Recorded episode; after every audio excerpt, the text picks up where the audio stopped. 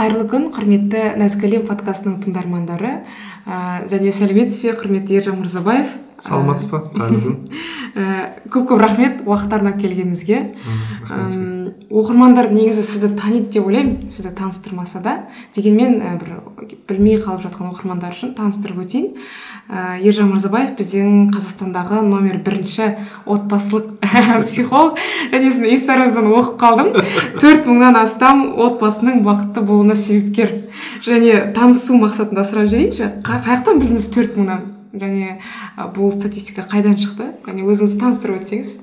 Ә, қайырлы күн есімім ержан мырзабаев мен кәсіби отбасылық психологпын. Ә, номер бір деп ойлаймын өйткені өзімнен артық отбасылық психолог көрген жоқпын. Жалпы психологтардың арасында ондай бір ә, екі жақты бірдей алып жүретін ә, не батыс болып кетпеген не шығыс болып кетпеген не діншіл уағызшы болып кетпеген не былай атеист батысшы капиталист болып кетпеген ә, ортада екі құндылықты ұстай алатын адам психолог өте аз қазақстанда сапалы түрде. Өзім негізгі мамандығым ағылшын тілі мұғалімі. Ә, мен 13 жылдай білім саласында жұмыс істедім. Соңғы үш жыл мектеп директоры болдым. Одан кейін мектепте жұмыс істеп жүрген кезде ә, мен көптеген балалардың бойындағы тәрбие тәртіпке байланысты оқу үлгеріміне байланысты проблемалардың отбасыға қатысты екенін байқай бастадым. Сөйтіп біздің мектепте мен қазақ түрік лицейінде жұмыс істедім. Ә, практикамызда оқушылардың үйлеріне бару ата аналармен танысу үрдісі болатын. Сол жерде барып үйдегі атмосфераны көрген кезде үйдегі ата анасының қарым қатынасын көрген кезде ата анасының бала қарым қатынасын көрген кезде мәселенің ә, қаншалықты жақсы мектеп болғанында емес баланың қандай ортадан шыққаны маңыздырақ екенін байқадым. Сөйтіп 2010 жылы ә, педагогика психология деген мамандық бар. Сол мамандық бойынша оқуға түстім магистратура. Ә, сөйтіп ә, педагог психолог мамандығын иеленіп шықтық. Ә, 2015 жылға дейін біраз тағы жұмыс істедім. 2015-те білім саласынан кетіп жеке отбасылық психолог болып жұмыс істеп келе жатырмын. Оның арасында ә, біріккен ұлттар ұйымында жұмыс істедім. Біріккен ұлттар ұйымы даму бағдарламасы UNDP деген бар ә, американың ә, готман институтында ә, біліктілікті арттырдым. Готман институты әлемде отбасы психологиясы отбасы терапиясында алғашқы ондыққа кіретін өте авторитарлы ұйым. Ә, олардың ерекшелігі олар 40 жылдан астам отбасы қарым қатынастарды зерттеп келе жатыр. Және көптеген ұсынған принциптер методтар ә, идеялар ә, ғылыми зерттеулерге негізделген ұсыныстар. Ә, соны оқып келдім жалпы европада болдым түркияда болдым ә, англияда болдым ресейде болдым ә, өзімді оқу дамыту мәселесі бойынша сөйтіп сол отбасылық психологияны айналысып келе жатырмыз ал төрт мыңға келетін болсақ ә, бұл есеп среднестатистический есеппен шығып келе жатыр. Яғни мен екі мың он бесінші жылдан бері қанша семинарлар тренингтер өткіздім. Ол семинарлар тренингтерге қанша адам қатысты және адамдардың берген кері байланысы бойынша ә, шамамен. Төрт мыңнан асып кетті конечно енді. Төрт мың тек ана круглый цифра болғанша төрт мың болады. Одан кейін төрт мың бес жүз болады одан кейін бес мың болады алты мың болады. Кете береді. Ә, содан келе жатыр. Ә, одан бөлек қазір ә, жақында бір жыл болады. Ә, қазақстандағы алғаш және тұңғыш онлайн отбасы академиясын негізін қалаушымын. Ә, онлайн түрде ә, кәдімгідей сертификат беретін ә, сабақ өтетін тапсырмалар орындайтын ә, отбасылық курстарымыз бар. Ол жерде біз сертифицированный ата ана дайындаймыз. Сертифицированный күйеу сертифицированный жар әйел ә, дайындаймыз. Сондай жұмыстармен айналысып жатырмыз сонда мысалы ата ана болуға дайын деген сертификат та мысалы жар болуға дайын деген yeah. сондай мағынада ма? Иә иә күшті. ә, күшті ағай рахмет тағы да. Және ә, мен сұрақтарды былай үшке жіктеген едім. Бірінші отбасы жайлы сосын бала тәрбиесі жайлы одан кейін өзіңізге жеке басыңызға байланысты сұрақтар. Жақсы үлгергенше үлгергенше иә. Бірінші сұрақ мынадай қазақ қоғамындағы ер адам мен әйел адамның психологиясы туралы айтсақ қандай айырмашылығы бар? Ә, жалпы ер адам мен псих, ә, әйел адам психологиясында негізі ә, айырмашылықтан көп ортақ ерекшеліктер көбірек деп айтсақ болады. Яғни бұл негізі ә, мужчина с марса женщина с венеры деген кітап бар. Ә, американдық ә, ғылыми ортада өте үлкен критикаға ұшыраған кітап. Ә, өйткені ол жерде көп нәрсе стереотиптермен көрсетілген. Как будто еркек пен әйел әртүрлі планетадан келген бір біріне мүлдем бөтен жабайы бір біреулер сияқты көрінеді көрінеді. Қатты айырмашылық көрінеді. қатты айырмашылық Иә. көрінеді. И сөйтіп уже авто- автоматты түрде ер кісілерде мынандай ой пайда болады да мен әйелді түсінбеймін бәрібір иә иә иә. Әйелде қандай ой пайда болады? Мен еркекті түсінбеймін бәрібір дейді. Ал ғылыми зерттеулерге сүйенетін болсақ ә, отбасылық өмірде еркек пен әйелдің қалаулары жетпіс пайыз ортақ болады. Вот екеуі бірдей бірдей нәрселерді қалайды иә. кейбір кезде бір бірін түсіну үшін қарапайым эмпатияның өзі жеткілікті. Яғни өзінің күйеуінің орнына қойып көр өзінің әйелінің орнына қойып көр өзін басқа адамның орнына қойып көр деген сияқты. Ә, сондықтан ә, яғни бұны айтып өту керек. Яғни бізде айырмашылықтан көп ортақ ерекшеліктер көбірек. Бұл маңызды біз бөтен әдемі бәріміз адамбыз айналып келген кезде адам болғандықтан ортақ нәрселерді қалаймыз.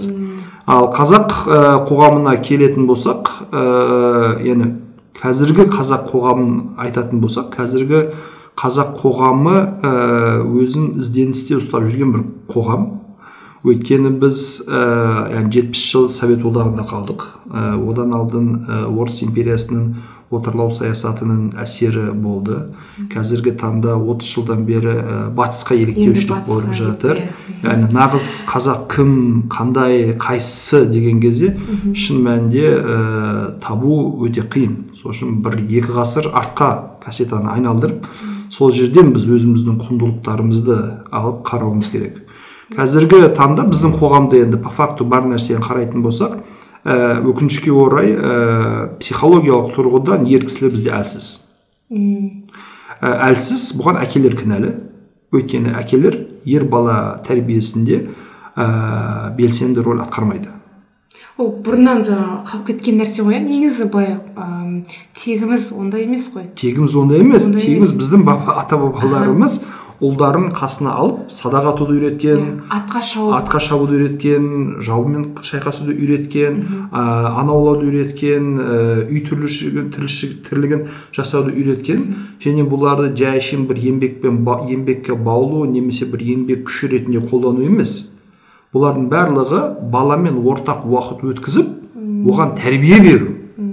Тек қана атқа мініп емес. иә. құндылықты түсіндіру. Иә ма- мақсат сол болған Иә. қазір бізде не уақыт өткізіп жатқан ата ана ә, ер кісі жоқ не құндылықты түсіндіремін деген ер кісі жоқ. Барлық нәрсені әйелге жүктеп қойған. Иә, сол үшін ә, ер азаматтардың әсіресе жас ер азаматтардың ә, бойында осындай ә, ер мінезділік ә, жетіспей жатыр психологиялық тұрғыдан деп айтуға болады. Әйел психологиясына келетін болсақ бізде әйелдер соңғы кездері тым ә, белсенді болып бара жатыр. Бәрінен көп ә, жауапкершілік алу ә, барлық нәрсеге міндетті ә, барлық нәрсеге және бәріне қарыздар ә, ешқандай қате кінә күнә жасауға ешқандай бір кешіріммен қаралмайтын ә, осының нәтижесінде өкінішке орай ә, психологиялық тұрғыдан яғни қоғамдық әлеуметтік ә, қаржылық ә, кәсіптік белсенділік артып бара жатыр. Бірақ психологиялық тұрғыдан өзіне сенімділік яғни өз бағаланымы төмен кісілер деп айтуға болады. Яғни бір андай ә, жауапкершілік алған сайын көбірек алған сайын бір ә, өзінің функционалдық бір нәзіктігі болады ғой. Иә. Сол бір түсіп бара жатқандай иә. Иә сіздің подкасттың аты айтпақшы ә, нәзік жанды бола алмай қалып жатыр. Ә, яғни өйткені қазіргі қоғамда әйел ә, әйел болып қалуына не кедергі екі рөлді бірге алып жүру керек болып жатыр ол әйел де болу керек ол еркек те болу керек. Иә, иә, иә. Екеуін алып бара жатқандықтан өзінің бойындағы өзінің табиғатына тән ә, нәзіктігін жоғалтып жатыр деп ойлаймын. Мм, түсінікті. Ә, рахмет жауабыңызға жаңа ұқсастығы деген ә, кәдімгідей ойландырып тастады да. Ә, керемет жауап енді біз қоғамды талқылап болдық. Енді отбасыға келсек. Отбасында ер адам мен әйел адам рөлі қандай болу керек? Асылында қандай болу керек еді? Қандай болу керек еді? Ә, мысалға ә, ер ер азамат ә, олардың рөлдері жаратылыстарынан шығады. Өйткені алла тағала адамды қандай потенциалмен жаратса адам сол потенциалға сай өзінің міндетін атқару керек.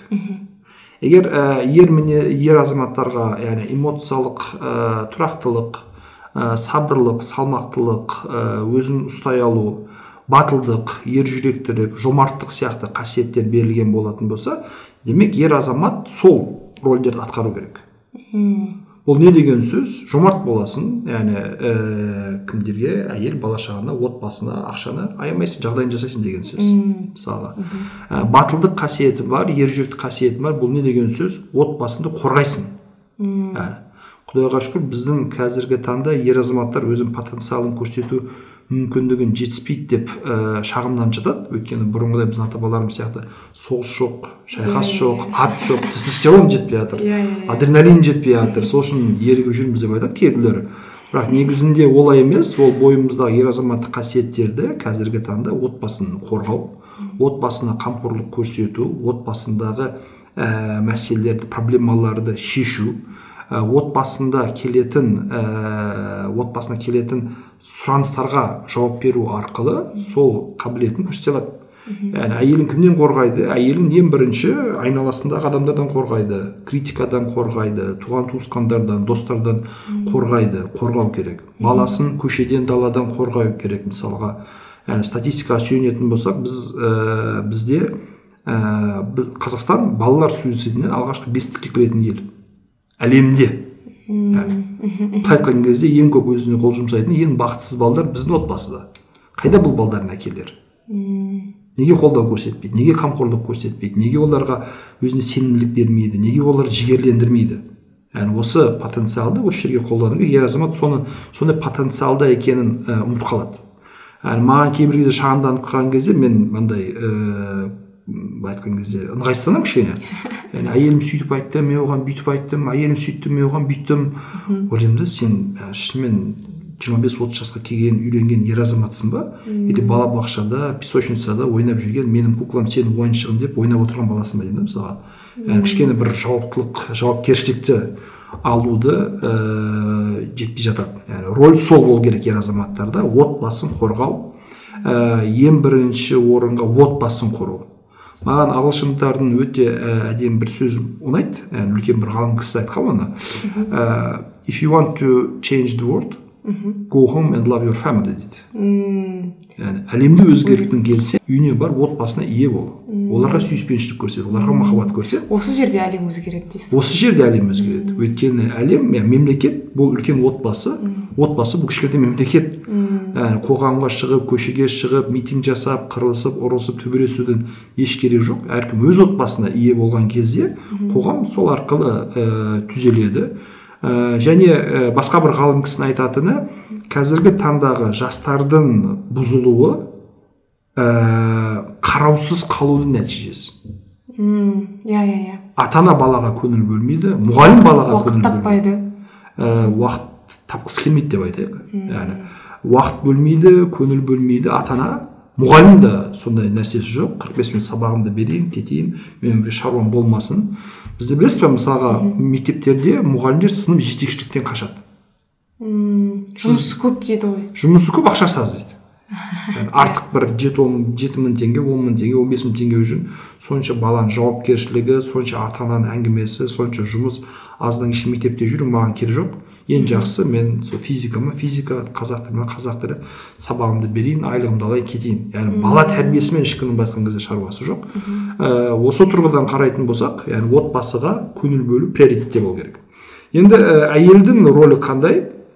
Ә, әйел өзінің бойындағы табиғи түрдегі нәзіктілігін ә, сыпайылығын жұмсақтығын мейірімділігін сақтап қалу керек. Яғни өйткені бір жағынан ә, әр ә, яғни әйелдің ә, сол ерекшеліктері ә, оны ер кісінің алдында мықты қылады. Сіз ешқашан ер азаматты ұрысу айқайласу төбелесумен жеңе алмайсыз. Яғни ер азамат бола алмайсыз өйткені. Ал бірақ нәзіктік әйелдің нәзіктігі жұмсақтығы мейірімділігі ол ер кісіні де жұмсатады. Үйдегі атмосфераны да өзгертеді. Ә, отбасыда бір жылулықтың пайда болуына ә, алып соғады. Әлі маған оқырмандарым айтады бірақ менің күйеуім сөйтті ғой бірақ менің күйеуім бүйтті ғой бірақ мен ол бірінші бастады ғой ал ол сөйтпесе мен істемеймін ғой деген нәрселер ә, айтылады. Бұл жерде мынаны ескеру керек. Ә, мәселе сонда. Любой шарттарда әйел болып қала алу. Любой шарттарда еркек болып қала алу. Әйтпесе ана шарттарда мен еркек егер былай айтатын болса ер кісі кейбір шарттарда мен әйел бола саламын болмайды ғой ол. Иә иә иә.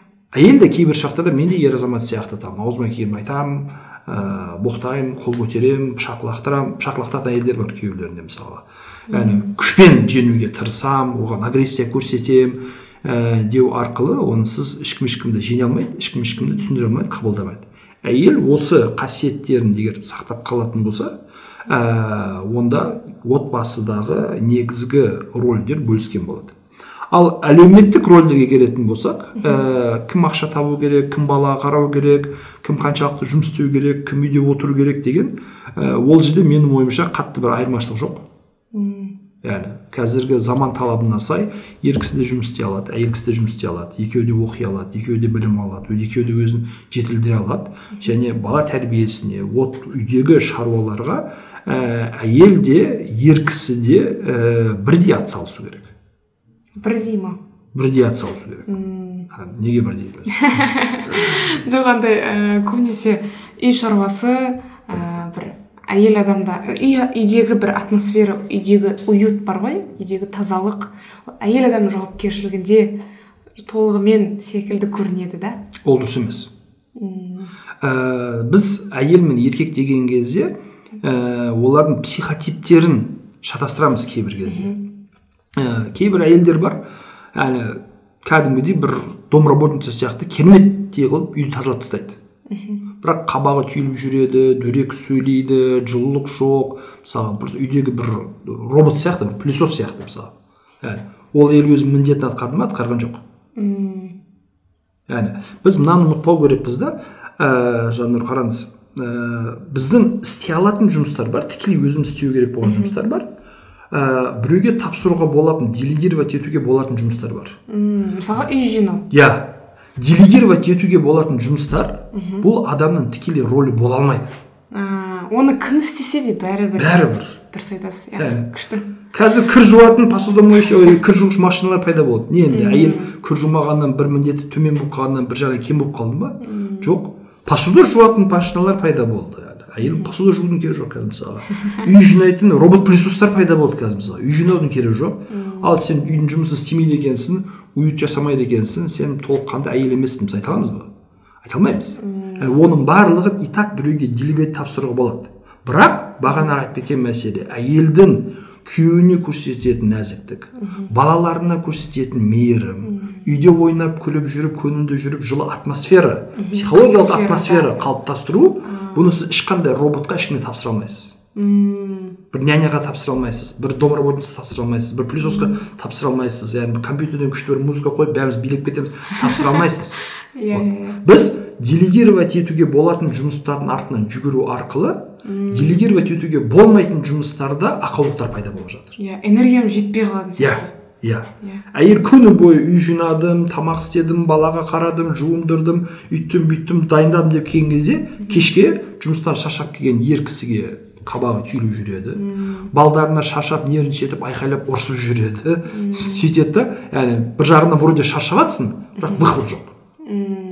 Біз энергияны бірінші күйеу бала отбасы қарым қатынас оларға мейірім сүйіспеншілік жылылық көрсетуге жіберуіміз керек.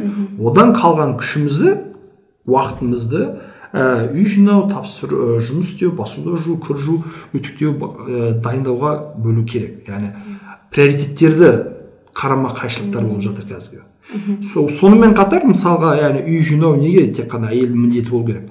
Жұмыстан келген ер кісі де үй жинай алады М, Яғни ер кісі де үй жұмыс біз ойлаймыз что андай ол азаннан кешке дейін жұмыс істеп жатыр шаршап жатыр қазір азаннан кешке жұмыс істеп шаршап жатқан ер азамат жоқ. М. қазір жұмыстар енді ақылмен жасалады ғой көбісі. Яғни физикалық түрде шаршамайды иә. Иә ондай ондай бір шаршау жоқ. Азаннан кешке дейін жып жылы әп әдемі офис істеп отырады. Иә. Алдында ноутбук ә, кондиционері бар көлікпен барады көлікпен келеді. Ә, деген сияқты. Сондықтан ой мен жұмыста болдым мен шаршадым мен жұмыс істедім деген нәрсені ә, ер азамат бұндай сөз қолданбау керек деп ойлаймын. Иә. ер азамат әрдайым отбасыға ә, жарық сыйлайтын ә, салмақтылық көрсететін байсалдылық білдіретін тіреу болатын адам болу керек. Иә. Ер кісінің ең бірінші бағана айтып кеткендей міндеті отбасыға тіреу болу қамқор болу. Ал егер сіздің тіреуіңіз яғни үлкен күшті столб сияқты бір ағаш сияқты емес майысып шаршап солып қалған бір ә, шыбық сияқты болатын болса оған сіз тіре алмайсыз.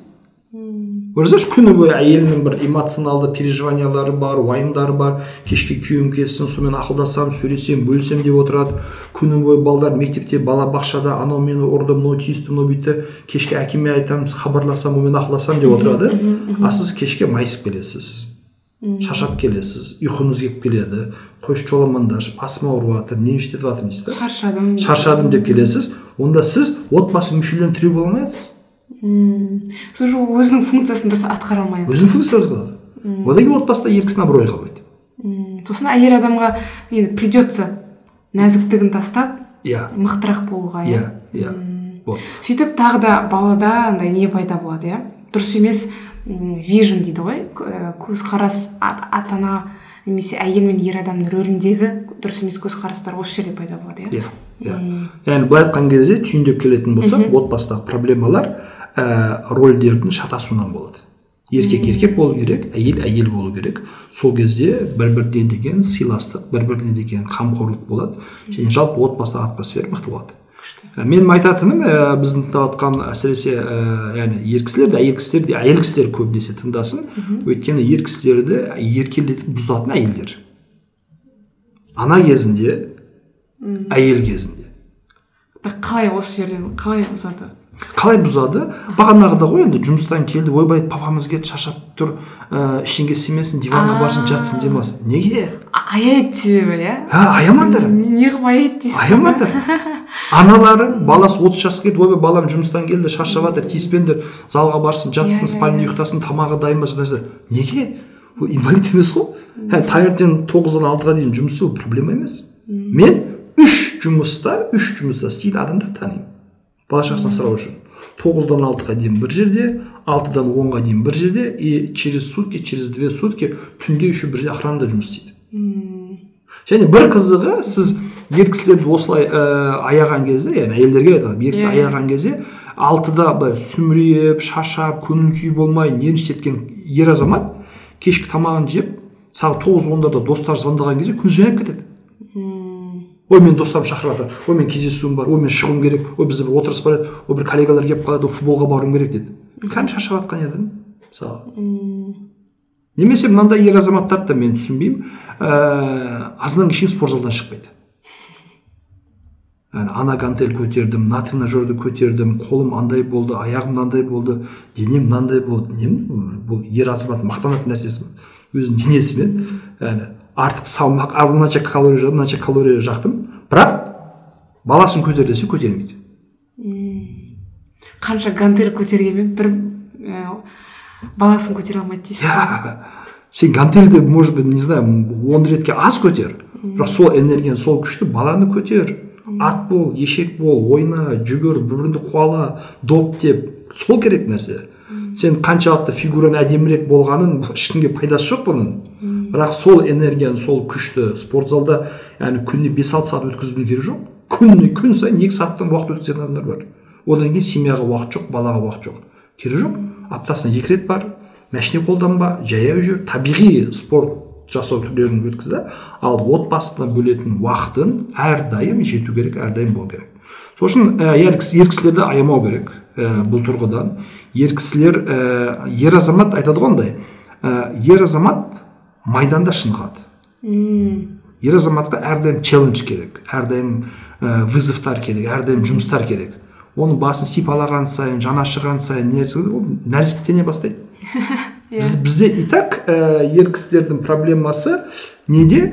Ә, бағана айттым біріншісі әкенің тәрбиесін көрмейді ә, екіншісі мысалы туылады әке жоқ мама тәрбиелейді.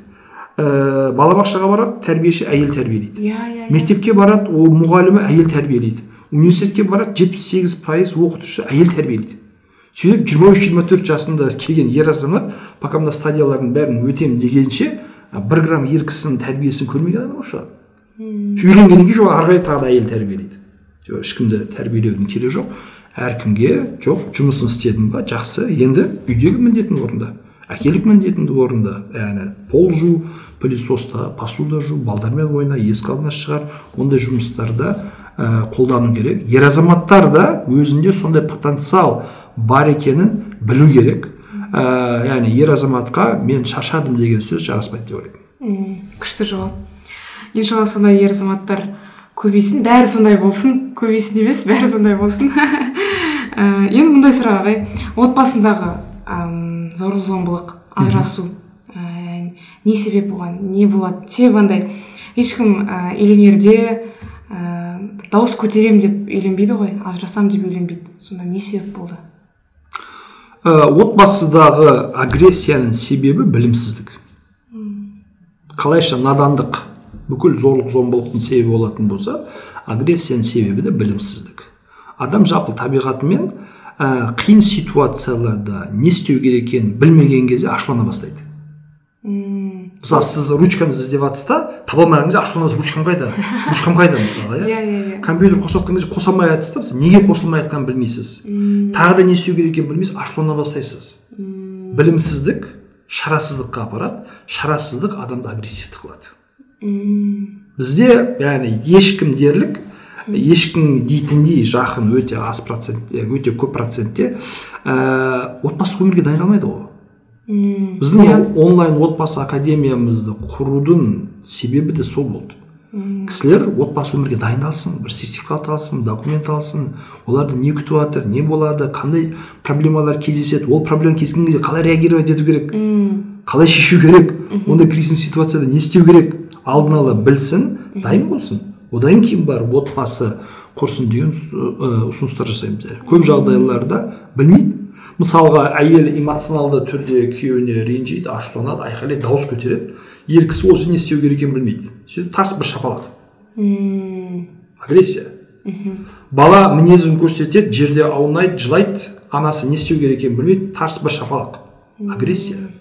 Бұлардың барлығы білімсіздіктен отбасын қалай құру керек білмеген екіншісі ә, яғни бұл білімсіздікке байланысты нәрсе бірақ ә, бұл қате стереотиптерді ә, қате шаблондарды қайталау.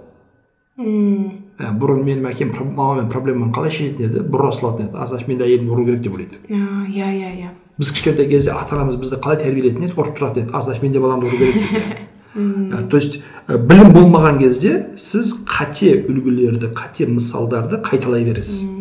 Білім болған кезде ей ол әкем де болса шешем де болса мынауысы дұрыс емес мынауысы болмайды мынауысы орынсыз а мына жағы жақсы еді. Мен жақсысын аламын плюс білімім арқылы олардың қате кемшіліктерін толықтырамын және балама дұрыс ата ана боламын күйеуіме дұрыс жар боламын әйеліме дұрыс күйеу боламын дейді да. Сөйтіп білім арқылы ненің қалай болатынын біз үйренуіміз керек. Мысалға біз қарапайым ә, төрт дөңгелекті бір темір тұлпарды жүргізу үшін кем дегенде үш ай оқисыз. Иә. Барып имтихан тапсырасыз. Аха. Ол жерде былай мысалы машинамен мен мен машинаны жиырма минутта үйрендім. Жиырма минутта? Иә. Мен машина сатып алып кейін үйрендім. Сөйтіп маған жас үлкен бір ағам айтты кел біз ереке саған үйретейін деді. Қалай үйретеді жиырма минут дейді. Білу керек нәрсе газ тормоз ә, орнынан қозғалу артқа жүру осы жиырма минутта үйреніп кет. Қалған практика дейді да мысалға. И ойлайтынмын мен сол кезде неге жиырма минутта үйренетін үйренуге болатын нәрсені жұрттар үш ай оқиды. Үшеу имтихан тапсырасың үшеу гаидан барып тесттен өтесің ү- жүргізуші куәлігін аласың не керегі бар деп да мәселе тек қана ә, ол машинаны от алдырып жүруде емес. Жол бойында көптеген ережелер бар көптеген белгілер бар оларды білу керек. Қай жерде не істеу керек екенін қай жерде тоқтау керек екенін білу керек. Машина келіп қалған кезде не істеу керек? Встречныйға да иә. мысалы? М. иә иә соларды білу керек.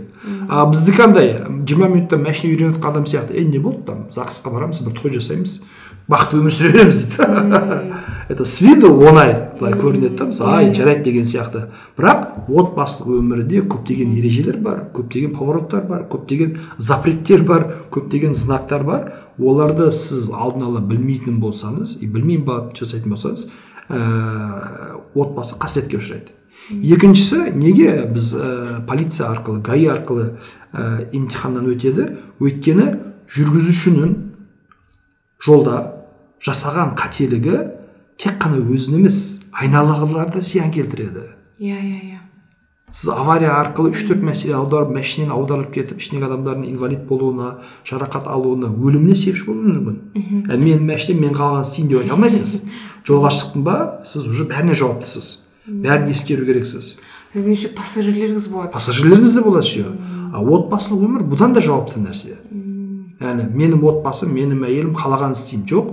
Сенің отбасың айналаңдағы адамдарға әсер етеді. Сенің отбасыңнан шыққан адам қоғамның мүшесі болып қоғамға зиян келтіруі мүмкін. Сол үшін біз отбасы үйлену мәселесін ә, белгілі бір тексеру сертификат алу жүйесіне қойып осындай үлкен аварияларды өзіне және басқаларға зиян келтірмеудің алдын алу жолын жасауымыз керек.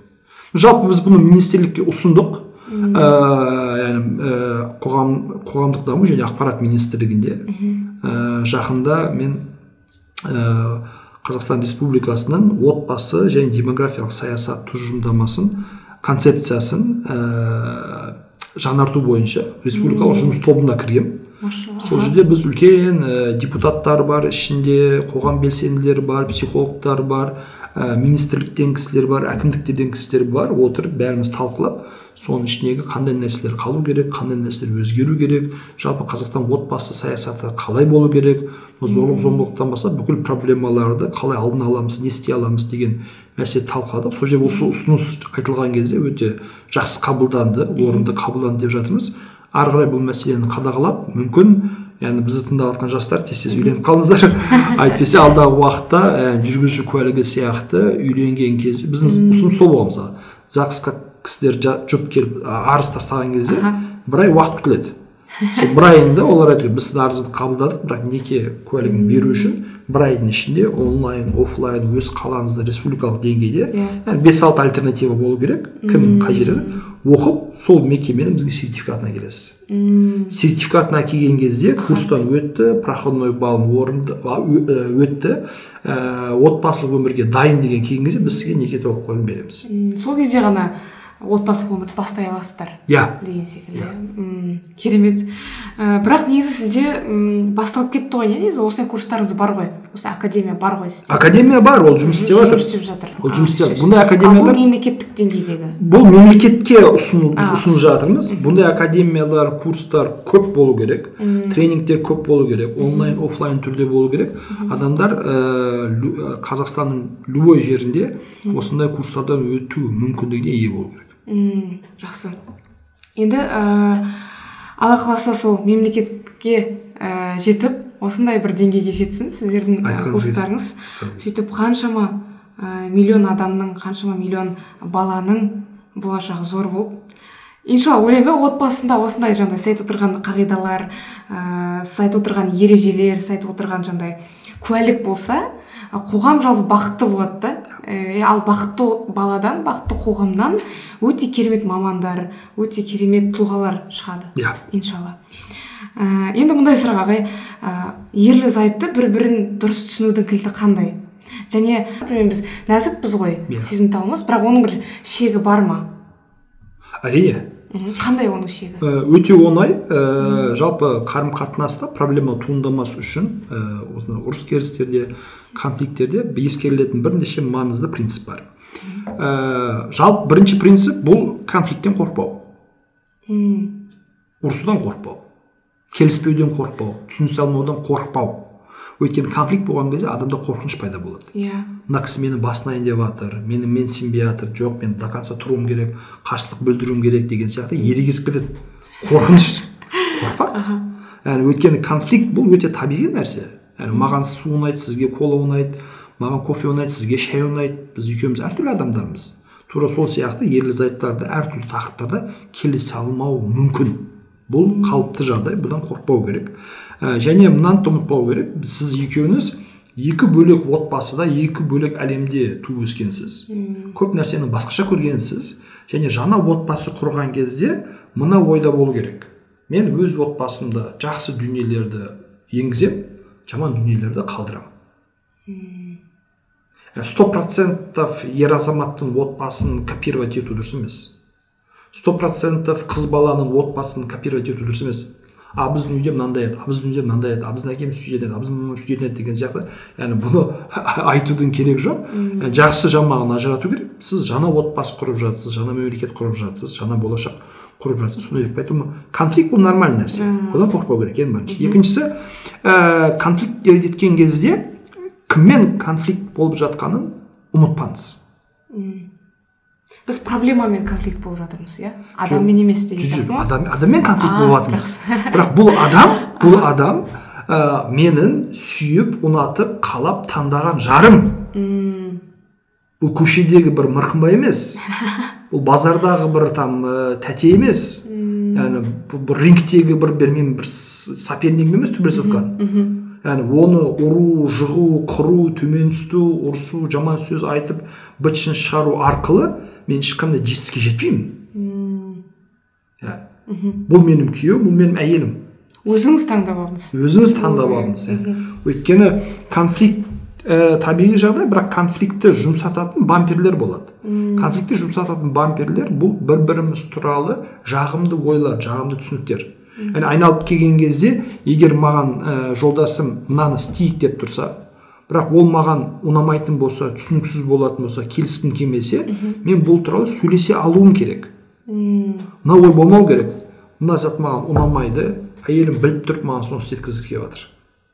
Демек ол менің дұшпаным ол дұшпан емес ол яғни әйелдің екенін күйеуінің екенін сол жерде бір соны ұмытпау Ә, үшіншісі ә, любой диалогты ушықтандыратын қарым қатынасты 85 пайызға құртатын негізі төрт фактор бар яғни соларды біліп ескеріп жүретін болса онда любой конфликтті ә, жеңіл аттап өтуге болады. Любой конфликт жеңіл қысқаша айтып кетейін біріншісі критика сынау. Ешқашан жолдасыңызды критиковать етпеңіз диалогта критиковать етпеңіз критикаға не жатады адамның ә, проблемадан істеген әрекетінен гөрі жеке тұлғалық қасиеттеріне шағым ә, шабуыл жасау мысалға сен өте эгоист адамсың өзіңді ғана ойлайсың там посуданы тамақ жедің артынан посуда жинамадың мысалға сен өте салақ әйелсің үйге келдім төсек жиналмаған плюс ұсталмаған қандай әйелсің мысалға салақ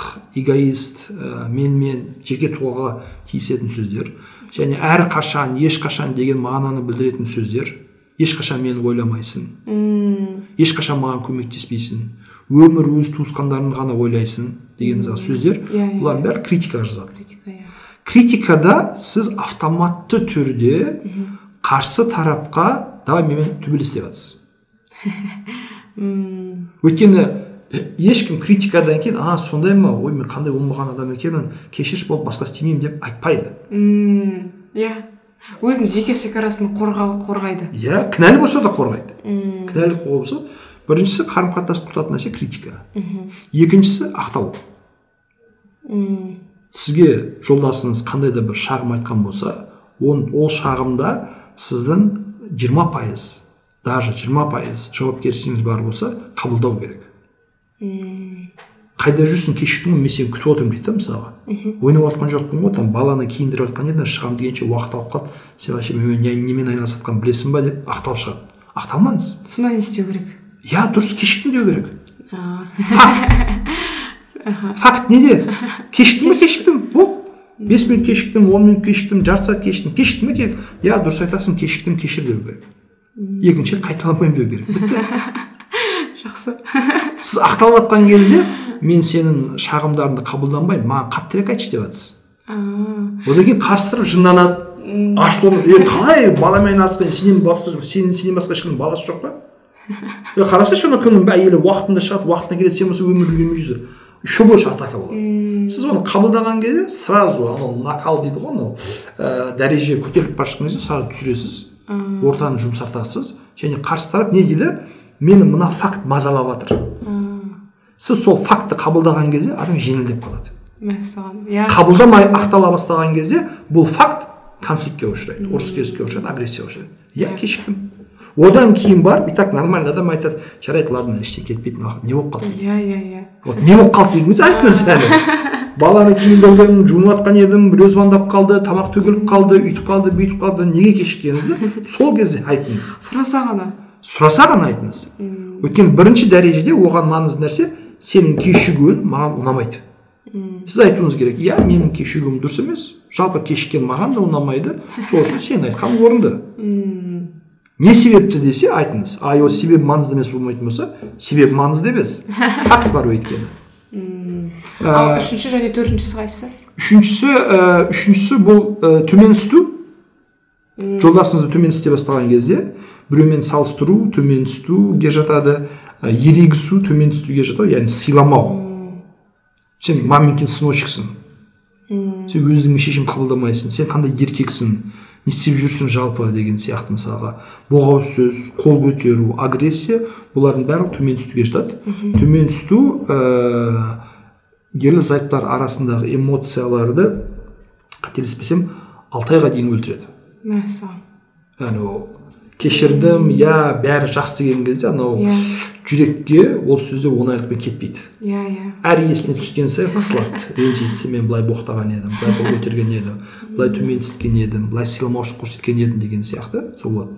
И төртіншісі ә, бұл қабырға қабырға өру. Ә, қабырға ол ерлі зайыптылар ұрысып жатып бір бірін естімейтін дәрежеге келеді. Как будто ортасында шынында бір қабырға бар сияқты. Әйел бір нәрсе айтып жатыр еркек естімейді. Күйеу бір нәрсе айтып жатыр әйел естімейді. Сол қабырға. Қабырға жиі болған сайын конфликттер ә, ушығады түсініспеушіліктер көбейеді қарым қатынас нашарлайды ажырасуға дейін алып баруы мүмкін. Сол үшін сол қабырға деңгейіне жетпеу керек. Егер жолдасыңыз сіздің айқай шуыңызды ести алмайтын дәрежеге келіп отырса үзіліс салу керек. Үзіліс салу керек мәселе андай бүгін қазір осы жерде мен саған көрсетемін дәлелдеймін көрсетемін емес бір проблема бар біз оны қырық минуттан бері талқылап жатырмыз бір келісімге келмей жатырмыз окей жақсы пауза берейік ертең жалғастырайық бір аптадан кейін жалғастырайық бір айдан кейін тағы да сөйлесейік енді айналып келген кезде біз екі тап қазір шешу керек емес иә екі дүниеде бірге боламыз деген адамдармыз ғой біз прям бүгін шешілмесе уақыт бар дейсіз әлі ғой, жетпіс сексен жасқа дейін не істейміз осылай сөйлесеміз талқылаймыз әңгімелесеміз бастапқыда бір бірімізді қабылдамаймыз. Екіншісінде че то күйеуім дұрыс нәрселер айтып жатыр екен дейміз. Үшіншісінде әйелім негізі кейде тыңдап тұру керек дейміз. Төртіншісінде мына проблема қайта қайта көтеріліп жалпы мына кісіге не керек? Бір тыңдап көрейікші деп мән бере бастаймыз. Бұлардың барлығы переговор деп айтады яғни қарым қатынас құру осы төрт нәрсе зерттеулерге сүйенетін болсақ көп жағдайларда қарым қатынасты нашарлау нашарлануына эмоциялардың солып қалуына және ажырасуға апарады М, жақсы түсінікті. Өте құнды ақпарат болды. Алла қаласа тыңдармандарға да ә, құндылығын білдіреді деп ойлаймын. Енді қараңыз ә, мындай сұрақ. Ә, отбасы құрғанда ата енемен немесе жаңағыдай өздері тұру ерекшеліктерімен ескеру керек нәрселер бар ма? Ол қандай? Ата енемен тұрған кезде бұған жастар емес ата ене дайын болу керек. Егер ата ене баласымен келінімен тұруға дайын болмаса тогда бірге тұрмау керек. Ә, біз ә, қарым адамдар арасында қарым қатынас әсіресе отбасы қарым қатынас кішіден үлкенге қалай құралмайды. Үлкеннен кішіге қалай құрылады м, яғни сіздің балаңызбен проблема бар болса сіз кінәлісіз. Сіздің бастауы сізден дейсіз ғой. Бастауы сізден. Ә, бала ұзақтап кетті тыңдамайды айтқанын істемейді сізге ренжулі ашулы сіз кінәлісіз. Демек сіз үлкенсіз. Бала кішкентай. Үлкен кішкентаймен тіл табысу керек. Қарым қатынас құру керек диалог құру керек құшағын ашу керек мейірім көрсету керек. Ә, айтады ғой андай ә, кішіден құрмет үлкеннен ізет мәселесі ізет көрсету керек. Бізде үлкендер өкінішке орай сәл бір нәрсе болса жастарды айыптау кінәлау критиковать ету сынау салыстыру жұрттың балдарымен салыстырады. Ә, біздің заманымызда андай етіп салыстырады. Біз мүлдем әке шешеміз былай істемейді деп салыстырады. Бұлардың барлығы ә, орынсыз қайта сіз сол әрекеттеріңізбен жастарды өзіңізден одан да ұзақтатып жатырсыз. Сондықтан ата енемен тұру бөлек тұру үлкен семья кішкентай семья ешқандай проблема жоқ. Ата ене соған дайын ба? Сіз үйіңізге сырттан келген ә, келін болып келген қызға әке шеше болуға дайынсыз ба? Мейірім көрсетуге дайынсыз ба? Жанашырлық танытуға дайынсыз ба? Қолдау білдіруге дайынсыз ба? Ол сіздің сынағыңыз. Ол сіздің сынағыңыз. Дайын болсаңыз иә жақсы бірге тұрайық. Дайын болмасаңыз біз әлі жаспыз. Жасымыз елуде. Тұра беріңдер анда санда шалымызбен ұрысып алғымыз келеді балдар өсті өлді жеке қалғымыз келеді саяхаттағымыз келеді санаторийге барғымыз келеді өзіміз үшін өмір сүргіміз келеді елуден жетпіске дейін жиырма жыл ба хотя бы жиырма жыл өзіміз мысалға жетпісте біз аяқ қолымыз ұстамай өзімізге қарай алмай қарауға мұқтаж болған кезде яғни қаласаңыздар бізді қасыңызға аласыз сөйтіп ата ата ененің осындай ерекшеліктеріне ерекшеліктерін ескеру керек. Ә, бірге тұратын болса бұл мәселе маңызды деп ойлаймын. Ә, осыны қаншалықты қабылдай алады қабылдай алмайды. Ә, екіншісі жалпы қыздарға айтатынымыз яғни үйленгеннен кейін қатты ондай бір ә, завышенный ожиданиямен бармау керек. Яғни вот мен әке шешемді жақсы көремін ол кісі ешқашан сіздің әке шешеңіз болмайды ә, мен олардың көңілін табамын яғни сіз біреудің көңілін табуға міндетті емессіз. Сіз жақсы адам болуға міндеттісіз. Потому что адамның көңілін әртүрлі табуға болады. Екі жүзділікпен өтірік күлумен ә, өсекпен ә, сыйлықпен ә, көңілін табуға болады. Бұл оңай нәрселер. Иә иә. Бірақ жақсы адам болып қалу өте қиын. Сіз біреудің көңілін табамын деп өзіңіздің адами қасиеттерін жоғалтатын болсаңыз ал сіз жақсы адам болып бәрін дұрыс істеп адал болсаңыз айналаңызда мейлі түсінбесін мейлі қабылдамасын мейлі біртүрлі қарасын ол қатты маңызды емес уақыт өте келе бәрібір сізді қабылдайды бәрібір сізді мойындайды бәрібір сіздің қаншалықты жақсы адам екеніңізді көреді ал көңілін табамын деп өз құндылықтарыңыздан табиғатыңыздан бас тарту бұл намного ә, проблематичный нәрсе деп ойлаймын ә, бөлек тұруға келетін болсақ ә, мен жалпы ә, үйленіп жатқан жұптарға беретін кеңесім үйленгеннен кейін мүмкін болғанша бір екі жыл бөлек тұрыңыздар алғашқы алғашқы жылдарында иә. Ә, бізде наоборот андай үйленген кезде қырық күн қасында болу керек бір екі жыл ата ененің школасынан өту керек. Енелер біленіп алады қазір мен бұл қызды тәрбиелеуім керек. Біз жиырма бірінші ғасырда өмір сүріп жатырмыз бұрын бұндай установкалар өтетін еді. Өйткені біріншіден бұрын ә, үйлену жасы ерте болатын. Он бес он алты жаста қыздар үйлене беретін. Былай қараса әлі бала. Действительно көп нәрсе білмейді. Енелер қызым етті былай асасын қамырды былай жаясын үйді былай жинайсың киізді былай илейсің деп үйрететін. Үйрету процесі ондай функциялар бар болатын. Сол үшін де бір екі жыл типа ол кезде там ата енемен тұру күшті еді. Иә. Қазір басқаша дейсіз иә иә он бес он жасар қыз босанады бала қарау білмейді үй жинау білмейді қиналады ата енесі қасында болады қамқорлық көрсетеді көмектеседі қолдау білдіретін ал қазір яғни қыздар жиырма бес отыз жасында үйленіп жатыр. Үйленгенге дейін барлық нәрсені көреді барлық нәрсені біледі. Екі дипломы бар диссертация тапсырған доктор наук яғни технический андай вопростардың барлығы қазір ютуб шешіп жатыр.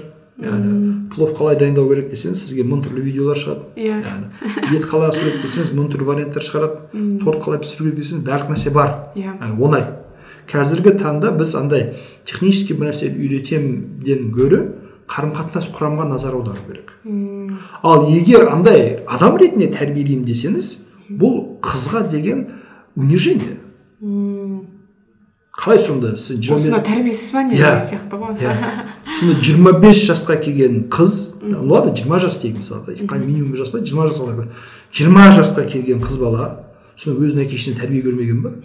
Не ол тәрбие? Өтірік айтпа. Адал бол арамдық жасама көзге шөп салма ә, ешкімге қиянат жасама яғни еңбекқор бол сіз деп сөйле бұл тәрбие Ә, бұны жиырма жасқа біріншісі сен тәрбиелейін деп жатсаңыз демек сен тәрбиесізсің деген сөз сен әке шеше тәрбиен бермеген деген сөз ал екіншісі шынымен ондай қасиеттер жоқ болатын болса жиырма жастан кейін уже тәрбиелеу кеш то есть екеуінде де бұл бессмысленно иә иә шын енді ал андай үшінші вариант бар бұл андай тәрбиелеймін деген кезде өзіме бағындырамын иә иә иә менен қорықсын бір айтқаннан жүгірсін көз қиғаннан бәрін істеп кетсін там ертең қартайған кезде мені сыйламай қоймасын деген сияқты.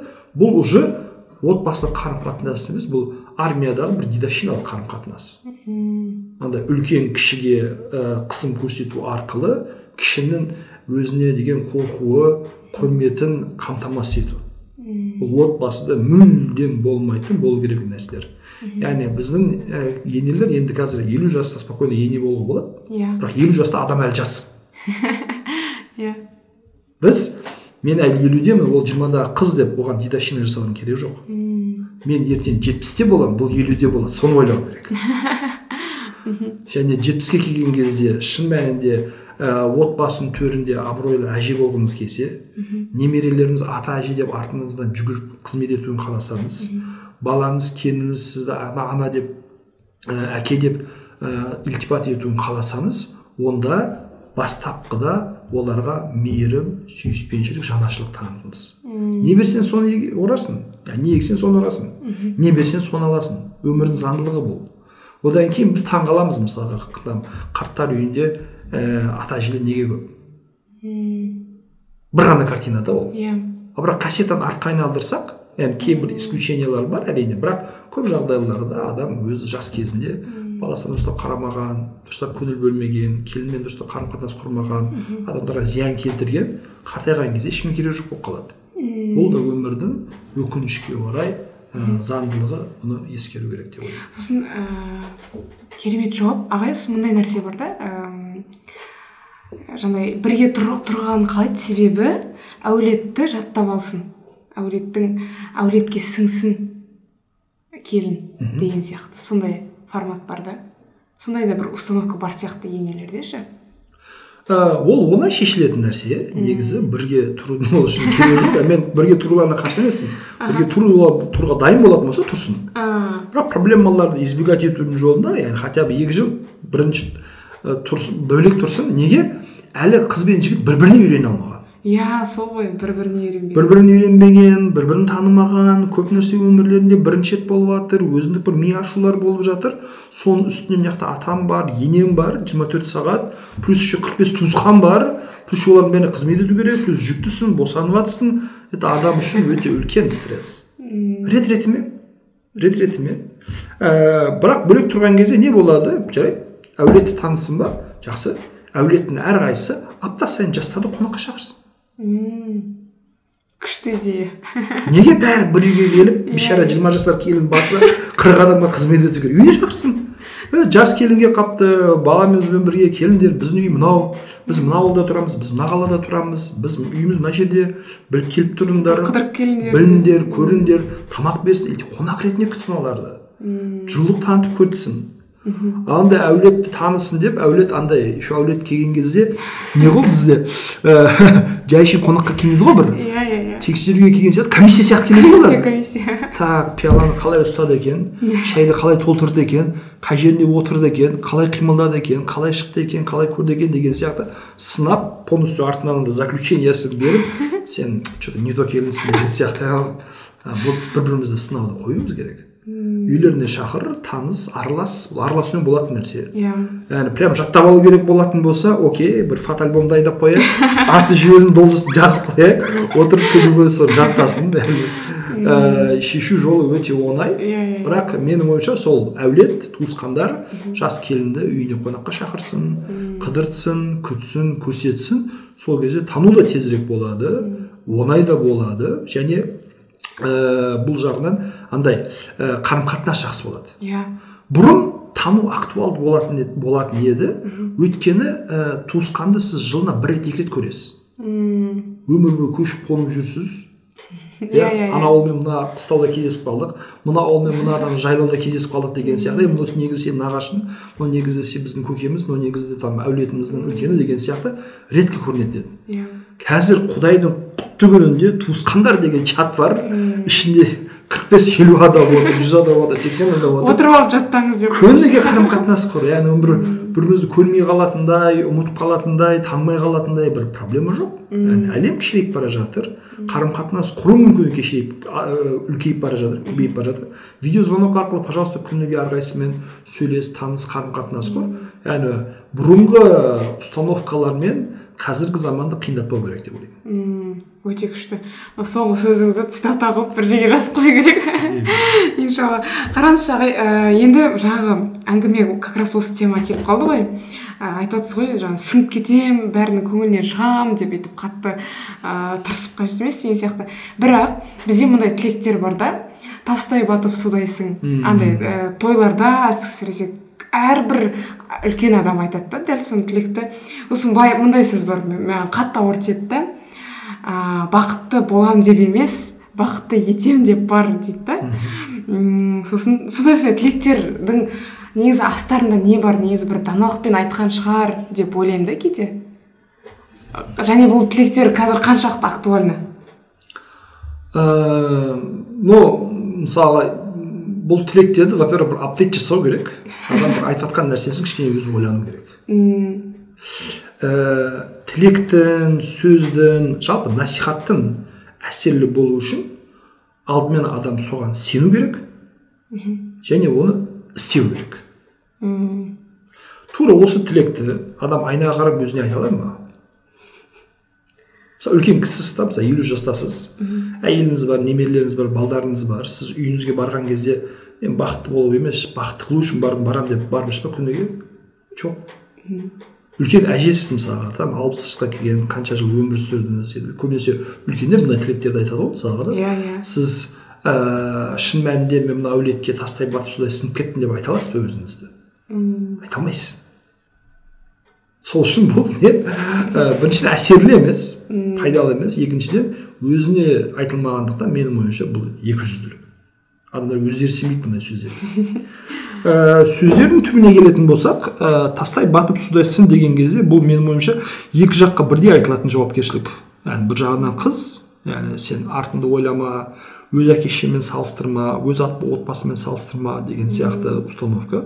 Екіншіден қарсы тарап яғни оны күтіп жатқан ата енесі де қыздың тастай батып судай сүну үшін судай жұмсақ топырақтай құнарлы болу керек. Өйткені тас тастай бату үшін түскен жері судай жұмсақ болу керек. Егер тас түскен жері қатты болады қатты болатын болса гранит сияқты ол жерге тас бата алмайды. Ол жерде я гранит сынады я тас сынады. Иә. Су судай сынып кету үшін егер ол ә, тас болатын болса гранит болатын болса бетон болатын болса ол жерге су сынбайды май болатын болса оны жарып өтеді немесе құр бекеге ағып өтеді. Су сыну үшін қарсы тарап топырақ болу керек жұмсақ болу керек құнарлы болу керек. Сол кезде айтқан сөз орынды болады. Және айтылған кезде бұл ә, екі жаққа да сол оймен айтылады. Деп ойлаймын мен. Бір жағынан қызым саған айтамын келінім сен тыңда мәселесі. Келін саған атам ата ене құдалар сіз тыңдаңыз. Ә, деңгейге келтіреді. Ә, физикалық заңдылықтар бұл жерде осындай ә, бізге жол көрсетеді что екі тарапқа да жауапкершілік болу керек. Яғни бақытты болам деп бар ма бақытты қылам деп бар деген ә, яғни бұл жерде ә, мүмкін әйел кісі енді бақыт мәселесін былай өзім ғана ойлау өзім ғана жағдайын жасау азаннан кешке дейін жатамын тамағымды ішемін ешкіммен араласпаймын қарым қатынас құрмаймын деген ойда болма. Қайтаға барымен бәрі адамдармен қарым қатынас құруға тырыс жақсы қарым қатынаста болатын болсаң олар ойнап күліп жүретін болсаң сен де оларда бәрі бақытты болады. Ә, сол кешіріңіз оймен айтылған деп ойлаймын. Ә, бірақ түбінде психологиялық тұрғыда қарайтын болсақ бақытты болмаған адам басқаларды бақытты қыла алмайды. Иә сол ғой. Яғни значит сен бақытты болу үшін ә, бақытты қылу үшін бақытты болу керексің. Бірінші очередь өзің бақытты болу иә керексің. бірінші очередь өзің бақытты болу керексің. Ә, өз өміріне көңілің толу керек. Ә, барлық нәрсені істей алатын болу керексің. Реализовать ету керексің өзіңді. Кейін барып басқаларға бақыт сыйлай аласың. Өмір бойы қақпағы түйіліп жүрген ә, өмірге көңілі толмайтын адам басқаларға бір нәрсе бере алу өте қиын. Сол үшін біз ә, мәселені осы жағынан қарауымыз керек что ә, мен алдымен өзім бақытты болуым керек. Ә, және ә, бұл жерде де ата енесіне мынандай не бар? Ә, месседж бар. Яғни бұл кісі бақытты болу үшін емес бақытты қылу үшін бара жатыр ғой. Бірақ сізді бақытты қылу үшін өзі бақытты болу керек. Сіз де оны бақытты қылыңыз. Бір біріңізді бақытты етіңіздер Иә. деген сияқты ғой. Иә иә. иә иә Яғни ол жарайды андай майданға барды бөлек әулет бөтен әулетке кірді жауапкершілікті қабылдады сол ер азаматқа сеніп барды. Енді қарсы тарап оны не істеу керек? Бақытты қылу керек чтобы ол барған жеріне бақыт сыйлай алсын. Күшті жауап. Бәсе сондай бір даналығы бар шығар деп ойлап едім десе. Керемет даналықты. Біздің қазақтың көп сөздерінде түрлі даналықтар бар. Тек қана қазіргі кезде оларды кішкене андай манипуляция мақсатында бұрбалап қолданылады. Ә, заманауи ғылыммен теңдестірілмегендіктен мағынасы кішкене ә, искажаться етіледі. Иә иә иә. Дұрыс дұрыс. Енді келесі сұрақ ағай ә, көбінесе мына подкаст тыңдайтын қыздарға да ә, және өзіме де актуальный болып тұр. Ә, қыздар жар таңдағанда ер адамның қандай қасиетіне баса назар аудару керек? Бірінші мынаны айтып өту керек. Ә, жар таңдау бұл нәсіп мәселесі. Хадис бар бір адамды тану үшін онымен бірге ә, саяхат жаса дейді жұмыс істеп көр дейді немесе бірге тұрып көр дейді. Яғни осы тұрғыда сіз енді үйленетін адаммен ә, саяхат жасай алмайсыз үйленгенге дейін. Ә, жұмыс істеуіңіз мүмкін бірге тұра алмайсыз. Сондықтан адамды толыққанды ә, тану мүмкін, мүмкін емес. Яғни кейбір кезде таныдым деп жүрген адамдар үйленгеннен кейін мүлдем басқаша болып шығады мысалы менің практикамда бір жас жұп болған ә, бұлар тоғызыншы сыныптан бері бірге жүреді. Тоғызыншы сыныпта мектепте бірге оқыған класстас болған қыз жігіт болған. Бірнеше жыл сонда иә? Он жыл. Мәссаған тоғызыншы сынып университет ары қарай магистратура бірге шетелге барған. Одан кейін болды енді үйлену керек деп үйленуге келіседі бір жылдан кейін бала туылады бір жарым жылдан кейін ажырасамыз деп келеді. Психолог көбінесе адамдар проблемалармен келеді. Ә, сондағысы танимын білемін бірге өстік дегеннің өзінде отбасылық ортада мүлдем басқаша болады. Бұл адамдардың негізі андай бір екі жүзділігі емес жаман жағы да емес. Просто адам әлі отбасылы болмағандықтан отбасылы ортада қандай болатынын өзі білмейді. Ә, мысалға кішкентай баладан сіз кішкентай бала мысалы балабақшада басқаша мектепте басқаша үйде басқаша дворда басқаша болады. Біз әртүрлі ортада біз әртүрлі қасиеттеріміз проявляция етеді білінеді көрінеді. Ә, осы тұрғыдан адамдар өзі білмейді кейбір кезде қандай болатынын басынан өтпеген өйткені. Осындай рисктерді білу керек осындай рисктерге дайын болу керек және осындай рисктерді ескере отырып ондай бір ә, қатты үлкен ә, завышенный ожидание болмау керек деп ойлаймын. Бұл біріншісі. Енді сұраққа келейік. Ал не дейміз енді? Ә, кез келген адаммен үйлене береміз ба? Жоқ. Біріншіден адам сізге ұнау керек. Ә, қандай да бір симпатия болу керек сол кісіге деген ә, екіншісі ә, үйленетін адамның үйленетін уақытқа дейін жоғары білім бар ә, тұрақты табысы бар жұмысы бар болу керек. Бұл кісінің жауапкершілік деңгейін көрсетеді. Яғни өйткені ер азамат яғни әйел кісі ер азамат таңдаған кезде ең маңыздысы өзін асырай алатын ә, қамқор болатын кісіні іздейді. Ә, және мына мәселеге ер кісі дөрекі болмау керек. Егер үйленбей жатып сіздің алдыңызда ә, аузынан келгенін айтатын болса ә, көшеге кетіп бара жатқан кезде агрессия көрсететін болса ә, қайта қайта сізді тексеріп қадағалап өзін бір меншікті бір зат ретінде қарайтын болса вот сондай адамнан қашу керек ол махаббат емес яғни а мені соншалықты қызғанып жатыр іздеп жатыр иеленіп жатыр значит мені жақсы көреді көбінесе қыздар сондай ә, қате ойға алданып қалады және бүкіл өмірін ә, бір агрессормен өткізуге мәжбүр болып қалады. Ә, осы тұрғыдан поэтому мынаны ескеру керек яғни ә, агрессивті болмауы. Жомарттығына назар аудару керек. Ә, ер кісінің бойында жомарттық мейірімдік қасиеттері. Және ашуланған кезде өзін қалай ұстайтыны. Ә, біз бәріміз ашулануымыз мүмкін. Яғни бірақ ашуланып алып барып біреуге бір нәрсеге зиян келтіреді ма ашуланып алып қайтаға өзін тез басады ма ашуланып ашуланып жатқан кезде ә, басқаларға зиян келтіреді ма? Соны соған назар аудару керек. Яғни осы тұрғыдан ал ашуланатын ондай моменттер ә, болмайды ғой негізі былай. Кездесу барысында бір екі үш кездесу ғана болады ғой мысалға. Неге болмайды? Ә, біріншіден мынау бір екі үш кездесу бұл үйлену емес. Бір екі үш кездесу яғни сіздің айтқан нәрсеңіз ә, құндылықтарға сай отбасы құрылатын болса яғни көп уақыт жүрмеу бір екі үш кездесу. Сізбен яғни жігіт болсын қыз болсын екінші тарапқа мынандай месседж береді. Сізбен үйленуге қарай әрекет етуге келісемін. Үйленемін емес. Иә. Үш рет кездестік. Бізді таныстырған кездестірген адамдар сенімді кісілер. Ә, сізге мен туралы какой то бір гарантиялар берді рекомендация берді. Маған сіз туралы какой то рекомендациялар берді. Үш рет кездескен кезде в принципе сол рекомендацияларға сай екеніңізді көріп тұрмын.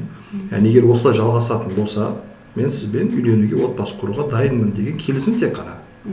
Ол үйленгенге дейін нағыз бір неке қиып той жасап үйленгенге дейін үш айдан алты айға дейін уақыт өтеді. Сол уақыт аралығында сіз араласасыз сөйлесесіз танисыз әртүрлі ситуацияда көресіз ата анасын барып танисыз ол сіздің ата анаңызды таниды көреді. Одан кейін барып иә дұрыс. То есть сол үш кездесуден кейінгі әрбір қарым қатынас сол үш кездесудегі впечатленияны или нақтылайды или әлсіздендіреді. Сөйтіп что мына адам ағайларың айтқандай емес екен апайларың айтқандай емес екен туысқандарымыздың айтқандай емес екен рекомендация бергендей емес екен по факту мен басқа нәрсе көріп жатырмын. Дейсіз да одан кейін оп тоқта дейсіз. И неке қиып яғни үйленгенге дейін любой уақытта бас тарта аласыз. Амал жоқ ә, бәрі біліп қойды ұят болады деген психологиялық комплекстерге түспей сіз яғни неке қиғанға дейін ә, неке қиғанға дейін по идее қатты жауапкершілік жоқ. Біз тек қана андай даже даже ол жерде қалай айтсам таныс бір дос деңгейіне шығатын шығар. Таныстықтан сәл бір қадам бірімізге жақын боламыз. Бірақ сіз әлі де қол ұстасып жүре алмайсыз кешіресіз бірге жеке қала алмайсыз. Сіз кәдімгідей бөтен адамсыздар әлі. Ол жерде қатты бір иллюзия құрудың керегі жоқ. И бөтен адам қарым қатынас ұнамаған кезде любой моментте бас тартуға болатынын білу керек. Әйтпесе андай сондай болады. Менде ондай кейстер кездескен осылай ә, жақындар таныстары арқылы таныстырады. Екі үш рет кездеседі. Сөйтіп иә жоқ бір нәрсе айту керек болады иә деп қояды одан кейін екі үш ай сол үйлену дайындық процесс кезінде жолдасының ә, болашақ жолдасының жағымсыз әрекеттерін көреді күмәндана бастайды бас тартқысы келеді бірақ айналаңдағы кісілер қысым көрсетеді өзі қой ұят болады уже ата аналар біліп қойды ғой бір нәрсе қылып амалдаймыз түзетіп аламын тәрбиелеп аламын өзгереді ғой деген өз өзін жұбатады үйленеді и өмір проблема болады мм басында күмән болмау керек басында сіз күмәнданбай жүрегіңізге сеніп толыққанды тәуекел етіп үйленесіз. Үйленгеннен кейін проблемалар туындауы мүмкін қиыншылықтар туындауы мүмкін түсініспеушіліктер болуы мүмкін ол уже сынақ. Яғни соны білген жоқсыз. Бірақ мына орманда аю бар екенін қасқыр екенін біліп тұрып орманға кіру ақымақтық болады. Еш болмағанда ей жоқ бұл national парк бұл жерде ештеңе жоқ қорықпа жүр кіре бер деген кезде кіресіз. А вдруг какой то бір жануар шығып қалса а мен бұны күткен жоқпын білген жоқпын деп яғни как то бір жауапкершілік азаяды а көбінесе бастапқыда ана ер жігітті немесе қыз баланың бойында түрлі жағымсыз әрекеттер көрінеді. Одан кейін өз ойынша ей тәрбиелеп аламын түзеп аламын деп өзін жұбатады және яғни біліп тұрған проблемалармен ары отбасылық өмірде сыналады. Осы нәрселерге назар аудару керек деп ойлаймын. Және эмоция эмоцияға берілмеу мәселесі. Ә, жар таңдаған кезде ә, бір жұмысқа адам алып жатқан сияқты қарастыру керек. Солай ма? Иә. Мысалы қандай қалай сонда? Мысалға сіз критерийлер болады деген секілді. Иә. Ә, әр адам өзіне минимум он критерий шығару керек болашақ жарына байланысты. Сол критерийлердің жартысына көбіне жетпіс сексен пайызына сай келіп жатса бұл адаммен қарым қатынас құруға болады отбасы құруға болады. Мысалы сіз жұмысқа барған кезде сіз жұмыс беруші сіздің бет әлпетіңізге түріңізге киіміңізге байлығыңызға соткаңызға қарамайды ғой. Иә. Иә? Иә. сіздің біліміңізге дипломыңызға сұрақтарға жауап беруіңізге кейстер келтіреді компетенцияңызға қарайды. Иә. Вот. Жар таңдаған кезде жұмысқа адам алып жатқан сияқты қарау керек. Сол үшін есеп ақыл сезімнен бір қадам алдында болу керек. Сезім алдында болатын болса есеп ақыл расчеттағы қателіктер байқалмайды.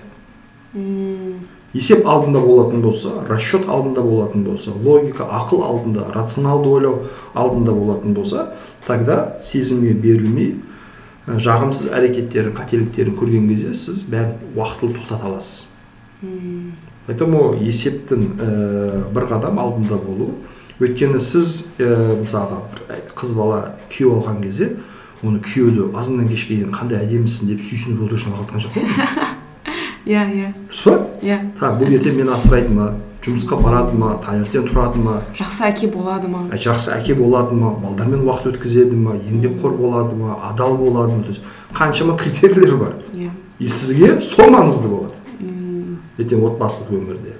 Ә, поэтому есеп расчет бір қадам алдында болатын болса онда ана эмоциямен ә, асығыспен құрылған отбасылар азырақ болады деп ойлаймын иә. Иншалла иә. Және сонымен бір қорытындылап жіберсек иә. ә, ашуланшақ болмау керек. Яғни ер адам ә, жар, қыздар жар таңдаған кезде осы мәселеге ә, Агрессив. агрессив а жақсы агрессив болмау керек. Және ә, эмоциясын дұрыс ұстай алатын.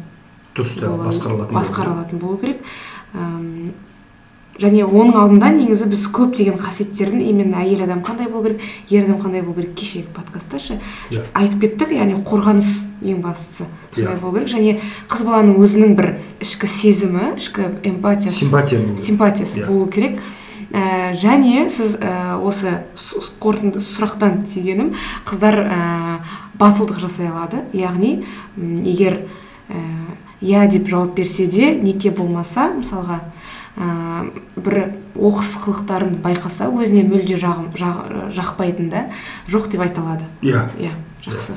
Жоқ деп айтады яғни ә, жұмысы тұрақты табысы м, білім деңгейі бұл да маңызды.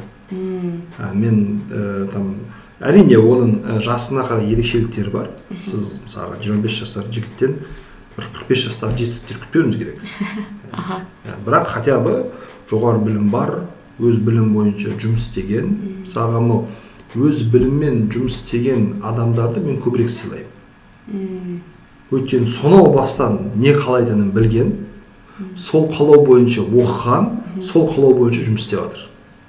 Өте маңызды показатель. Өте маңызды иә. А так мен негізгі ананы қалаған едім ата анам былай айтқан еді грант мұнда бар еді біреудің айтқанымен жүрдім деген сөз менің жеке ойым жоқ жеке қалауым жоқ. Значит маған әсер ету оңай деген сөз.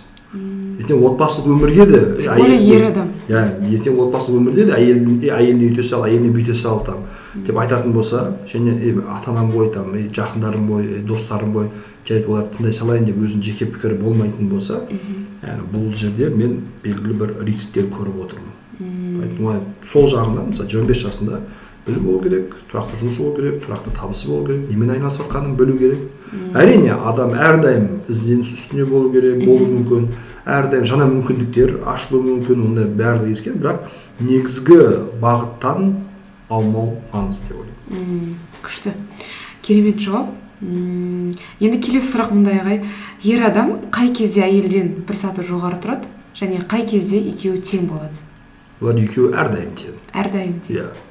Еркек еркек пен әйел бұлар ә, мысалға бизнестегі серіктес сияқты М, біздің елу деп елу акциямыз бар м, құқық тұрғысынан біз теңбіз теңбіз яғни сенің кейбір нәрселерді қалауың қалыпты жағдай менің кейбір нәрселерді қаламауым қалыпты жағдай М, және осы тұрғыдан біз барлық нәрсені диалог арқылы мәміле арқылы сөйлесу арқылы шешеміз ә, еркек пен әйел құқық тұрғысынан адам тұрғысынан жеке тұлға тұрғысынан қалаулар тұрғысынан тең. Бірақ физиологиялық тұрғыдан психологиялық тұрғыдан бірдей емес. Иә иә иә. Бірдей болу мен тең болуды шатастырамыз. Кейде айтамыз сен еркек пен әйел тең деген кезде. «Ей, жарайды ондай болса чемодандар өздері көтерсін иә иә әйелдер». иә жауапкершілікті немесе ә, тең болатын болса жарайды ондай болса там ә, күйеуің басуда жүрсін дейді мысалға Ә, теңбіз ғой тең болу бөлек бірдей болу бөлек ә, бірдей емеспіз біздің психологиялық физиологиялық айырмашылықтарымыз бар. Және сол айырмашылықтарға қарай кейде кейде бір бірімізден белгілі артықшылықтарымыз бар. Сол сәттерде еркек кейде бір саты жоғары болуы мүмкін. Сол сәттерде әйел кейде бір саты жоғары болуы мүмкін. То есть барлық нәрсе ситуативно. Мысалға сіз ә, көшеде кетіп бара жатсыз көшеде сізге біреулер тиісті. Ер азаматтағы батылдық сезімі ә, андай бір приключение іздеу сезімі рисковать ету сезімі көп болады мысалы азартный ойындарға көбінесе ер кісілер беріледі. Иә иә иә. Дұрысында риск азарт адреналин ұрыс төбелес. Yani, табиғатта бар нәрсе тестостерон ұрып тұрады сондай кезде ей екеуміз бірдейміз ғой да бірге жабылайық бірге төбелесейік деп айтпайсыз. Артыма тұр мен қазір бұларға көрсетемін сені қорғаймын бері кетіңдер бар деп батылдық танытасыз. Сол жердегі ерлігі мен батылдығымен ер кісі бір саты жоғары болды ма бір саты жоғары болды. Мысалға яғни әйелдің ә, ең табиғи ерекшелігі баланы дүниеге әкелу. Яғни ешқандай ер азамат дүниеге бала әкеле алмайды сондай сәттерде әйел бір саты емес мың саты жоғары болады даже әр босанғаннан кейін мысалға әйелдің бүкіл күнәлары кешіріліп тура сол сәби сияқты жанынан дүниеге келеді иә иә ол тұрғыдан қарайтын болсақ өмір бойы яғни осы күнәлардан ондай соншалықты тазару мүмкіндігіне ие болмаған еркек әйелді бір ә, әулие ретінде көру керек М, сол кезде кім айтады ол жерде әйел бір жағы төмен то есть әйел өзінің эмоционалдығымен нәзіктігімен ә, кешегі айтқан ерекшеліктерімен ер кісіден жоғары болады. Ол күнделікті өмірде керек нәрсе әр ер кісі оны істей алмауы мүмкін. Ер кісі өзінің қасиеттерімен кейде әйел кісіден жоғары болады. Ол еркекке тән нәрселер.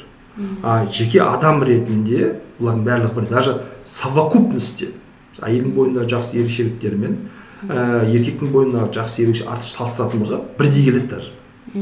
Просто кейбір ситуация мынау көбірек көрінеді вау молодец дейміз. Иә, иә, иә. кейбір ситуация мынау көбірек көрінеді вау сен молодецсің дейміз. И тұрақты отбасылық өмір ешқашан міндеттерге негізделмейді. Мен еркекпін сен маған міндеттісің.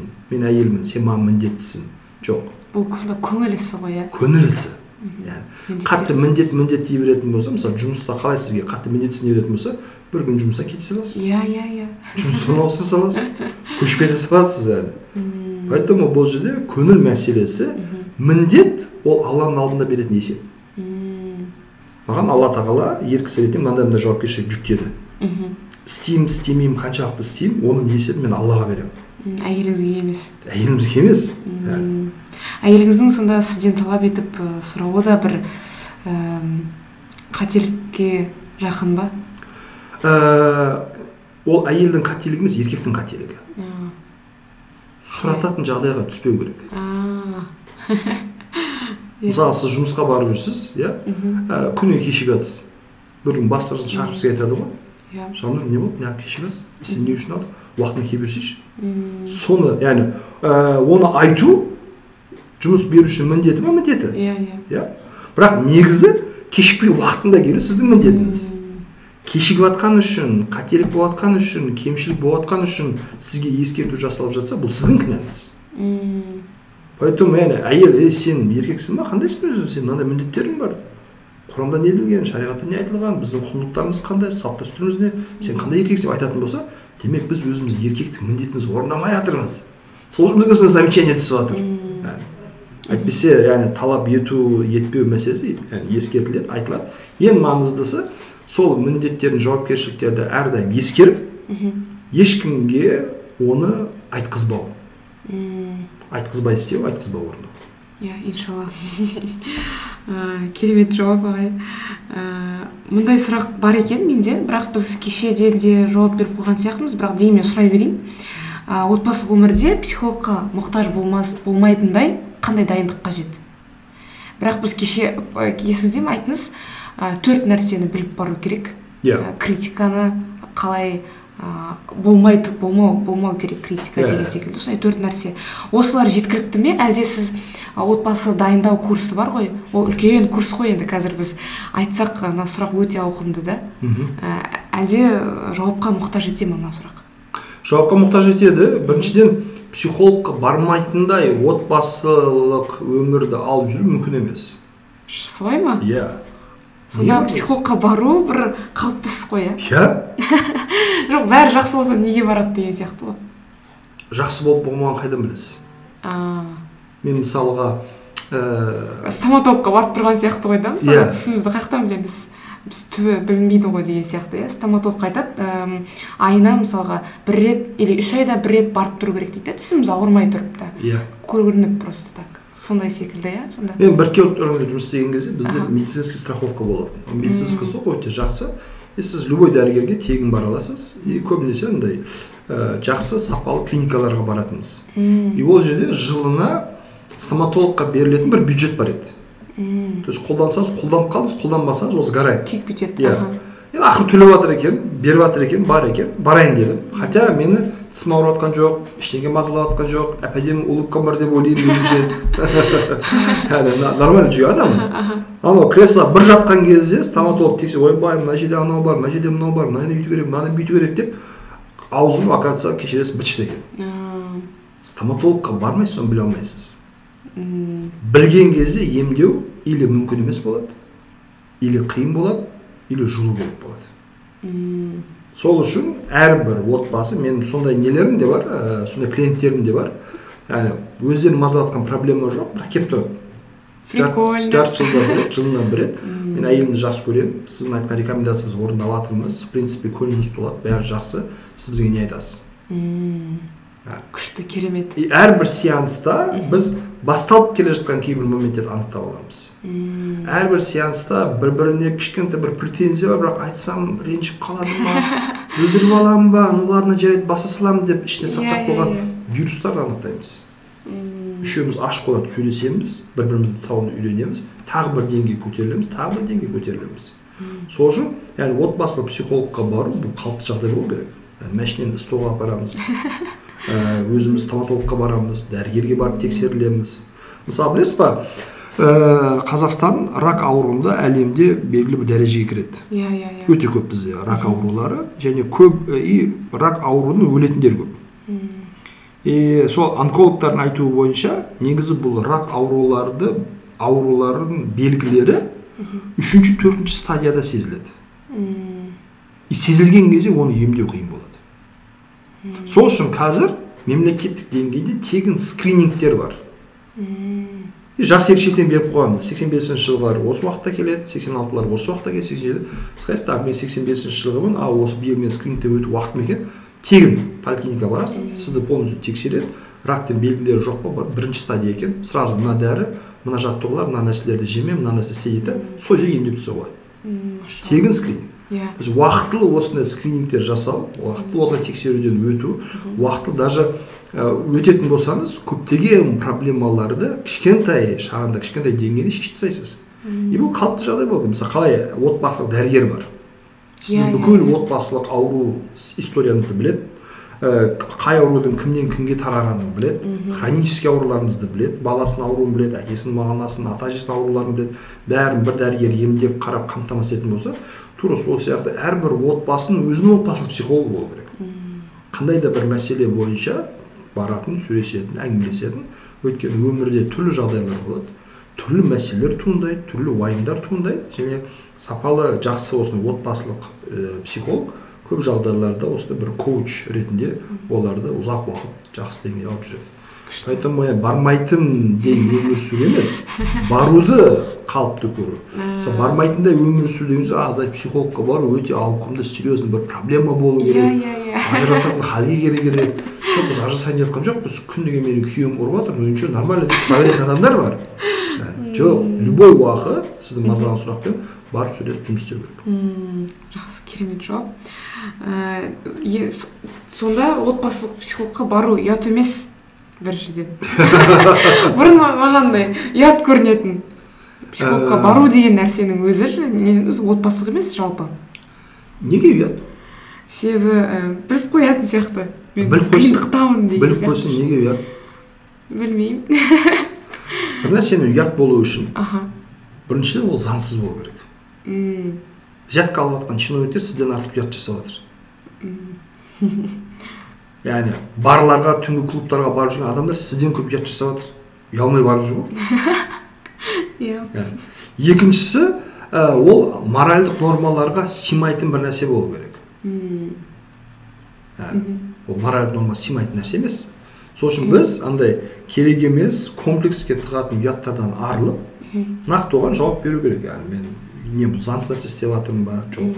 Моральдық нормаларға тыс нәрсе істеп жатырмын ба? Жоқ. Күнә бір нәрсе істеп жатырмын психологқа бару күнә десе мейлі психологқа барма деді жоқ неге мен ұяламын қайтаға мақтанып спокойно мен бүгін сағат үште психологыма баруым керек деп бұны кәдімгі күнделікті әңгіме айту керек. Таң қалатын адамдар таң қалсын. Қабылдай алмайды адамдар таңғаласың бірақ біреу не дейді екен қалай ойлайды екен деп мен неге ішкі күйзелісімді проблемаларымды шеше алмай қиналып тығылып жүруім керек? Стоматологқа барып жатырмын деген кезде айбөй қарашы тістер шіріген екен деп оған ешкім келмейді ғой. А молодец Иә, иә. емделіп жатрсың күшті еще ақшам бар екен оған жасап жатқан мен біз ақшаның бәрін маған киімге құртып жатсақ сен ақшаңды там стоматологқа құртып жатрсың психологқа құртып жатрсың инвестиция жасап жатрсың қандай тамаша деп сізге қайтаға риза болу керек. Күшті күшті. Рахмет. Э, осымен біздің жалпы отбасы жайлы сұрақтарымыз бітті. Э, енді отбасыны болсақ бала тәрбиесіне көшсек Э, бірінші сұрақ мынадай отбасында ә, әр адам бір ә, жеке тұлға ғой дара тұлға әрқайсысы. Және оларға ә, айрықша көңіл бөліну керек сияқты да. Бірақ андай айрықша бөлек бөлек ә, бір внимание беріп жатқанда мысалға әлдекімге көйлек әперуіңіз мүмкін бір қызыңызға? Бірақ бір қызыңызға там тәтті деген сияқты. Ә, бұл барлығына бірдей ә, жаңағы әртүрлі көңіл бөліну мысалы біреуді ренжітіп қою мүмкін емес па сонда біз бөлек бөлек көңіл бөлуіміз керек па? Немесе бірдей қараймыз ба барлығын? Э, бәріне жеке жеке қараймыз. Мхм. Бірақ ә, ешкімнің көңілі қалмайтындай жеке жеке қараймыз. М, бірдей қарау ә, бүкіл балдарға бірдей қарау үшін бүкіл балдар бірдей болу керек. Бірақ балдар бірдей емес. Ұл қыз айырмашылығы болуы мүмкін психотипіне байланысты айырмашылық болуы мүмкін ә, жас ерекшелігіне байланысты айырмашылық болуы мүмкін. Демек әр балаға индивидуальный подход. Ә, біреуіне артық біреуіне аз беріп қойдым ондай нәрсе болмайды. Сіз өзіңізге минимально бір стандарт белгілейсіз. Мен күнделікті әр балаға осынша уақыт бөлемін апталық әр балаға осынша нәрсе ә, жасаймын. Айлық әр балаға мынандай нәрсе әперемін яғни бюджет бөлемін бұл минимум. Бұл бірдей емес. Одан кейін барып уже қарайсыз. Так мынаған мынанша уақыт бөлдім спокойно өз өзіме мәз болып ойнап жүріп көшеде далада оған артық внимание керек жоқ жақсы. Мынаған тура солай көңіл бөлдім бірақ мына кішкене қабағы түйіліп жүр әлі ашылмай жатыр а демек бұған көбірек уақыт жұмсауым керек иә. деген сияқты. А мынаған там ә, куртка әпердім мәз. Мынаған куртка әпердім курткамен бірге оказывается еще шапка әперу керек деген сияқты. Әрқайсысына бірақ минимум болу керек. Ә, тек қана андай ә, қабағы түйіліп жүрген ренжіп жүрген талап ететін мінез көрсететін баламен ғана айналыспау керек. Оның да бір шегі болады. Мен и так саған басқаларына қарағанда сәл көбірек уақыт бөлдім. Балам болды сенің ағаң бар әпкем бар інім бар бауырларым бар. Қазір бос емеспін. Мен олармен айналысамын. Және бұл андай мәселе балалардың ә, ата ананың назарына қараусыз қалмау мәселесі.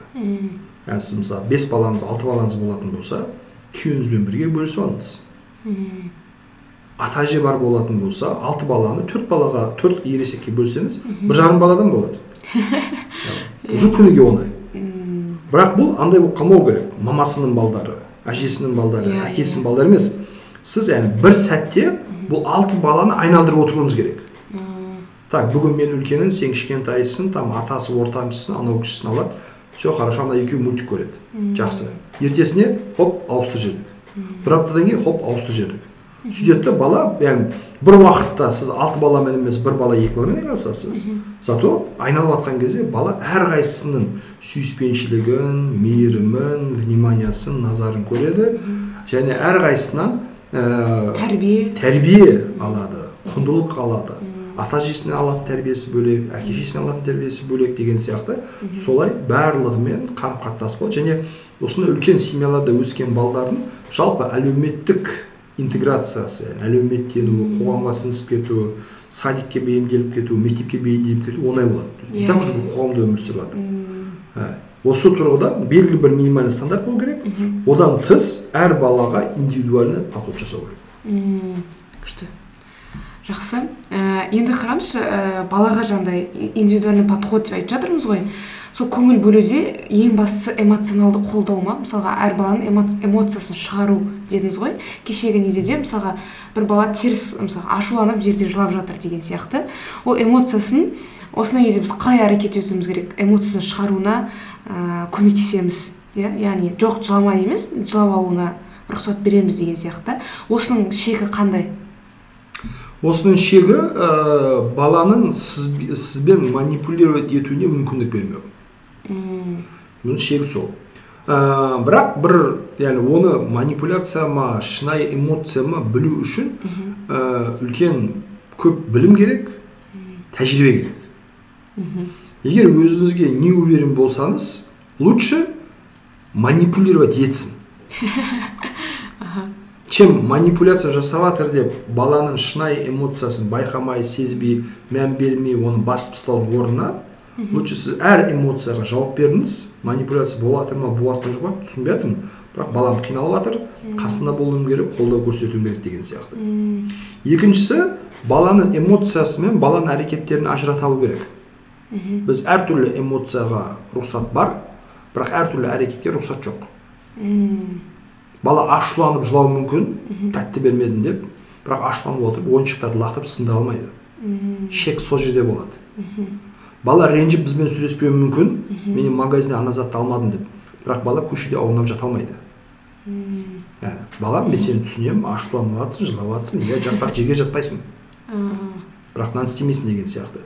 Түсініп жатырмын мектепте мұғаліммен ұрысып қалдым бірақ яғни мектепке бәрібір барасың. Үй жұмысын бәрібір оқисың. Сабағын істейсің. Ә, бұған байланысты мен ә, оқырмандарға ә, нені кеңес беремін біздің онлайн отбасы академиямызда саналы ата ана болу өнері деген курсымыз бар арнайы. Сол курста баланың эмоциялық интеллектісін дамыту бойынша бөлек ә, сабақ бар. Және сол жерде баланың эмоциямен жұмыс істеудің нақты бес сатысы көрсетілген. Күшті. Яғни нақты сол бес сатысын так так так так жасаған кезде біріншіден баланың эмоциясы жауапсыз қалмайды.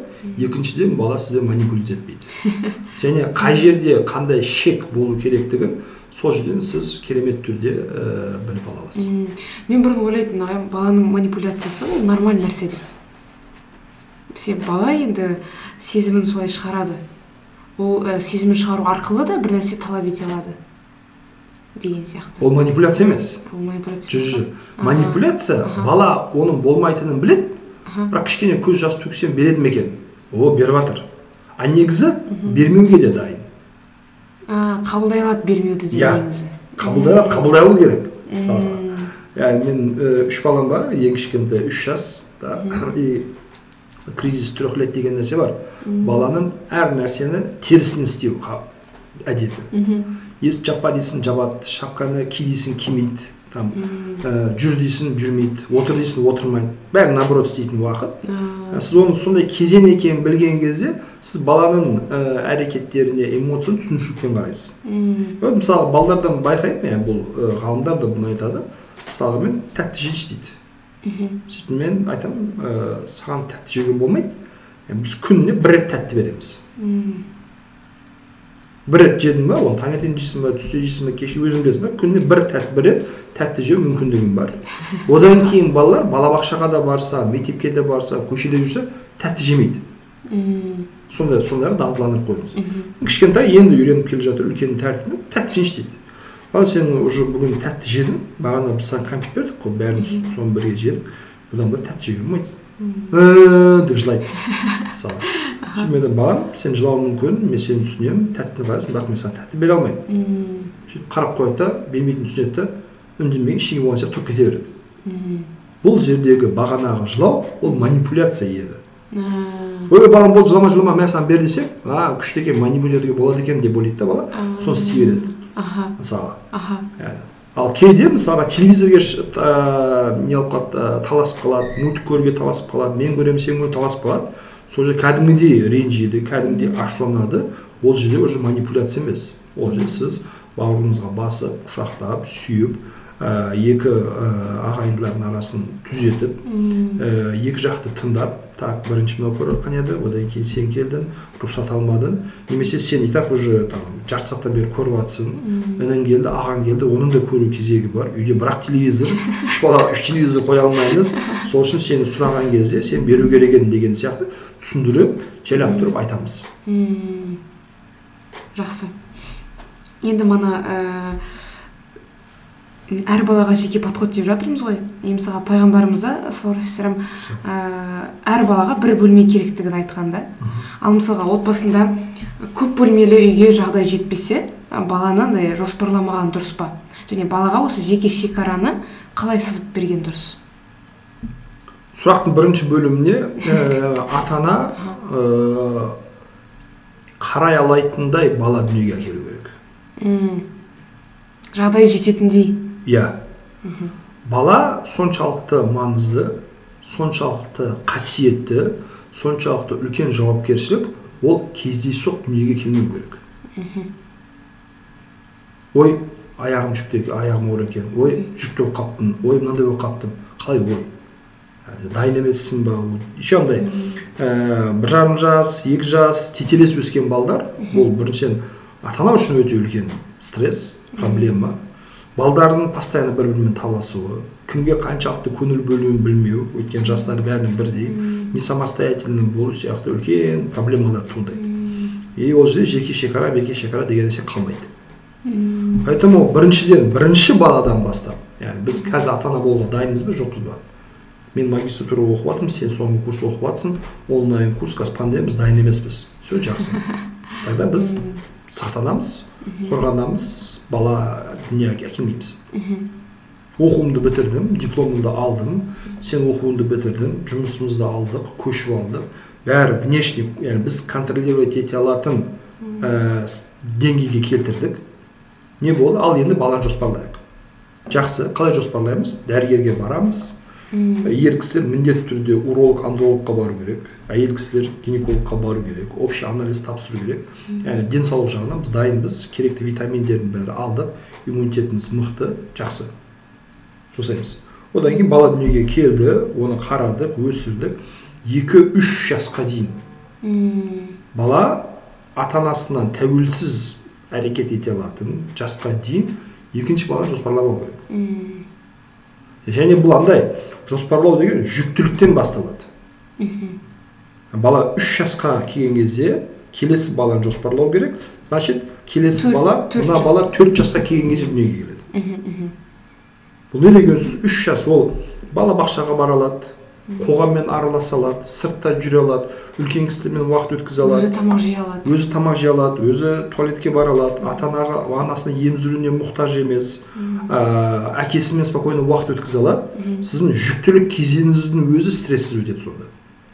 Одан кейін келесі бала одан кейін келесі бала. Және так келесі бала біздің үйіміз жағдайы келіп жатыр ма иә бөлме саны жеткілікті ме? Төрт жас айырмашылығы примерно екі үш жылға дейін бұлар бір бөлмеде жата алады. Иә келіп жатыр жақсы. Одан кейінгі бала одан кейінгі бала деген сияқты осының барлығын жоспарлау керек. Өйткені бала бұл бір жоба. Жобаны сәтті болсын десеңіз жобаны бүкіл детальдарын ойлап жоспарлау керек. Жобамыз «Ей, как попало бола берсін ештеңе кетпейді бір мәнсіз болар дейтін болсаңыз шынымен қазіргі қоғамда бізде соның қиындығын шегіп жатырмыз. Как попало бір нәсіл өседі. Жоспарсыз бір нәрсе өседі. Сөйтіп сөйтіп сөйтіп. Яғни біз ә, қазіргі таңда саннан сапаға көшуіміз керек. Мысалға жануарлар әлеміне қарайтын болсаңыз шақалдардың иттердің балалары көп болады. Бірақ барлығы шақал. Арыстандардың жолбарыстардың балдары аз болады. Бірақ арыстан болады. Иә.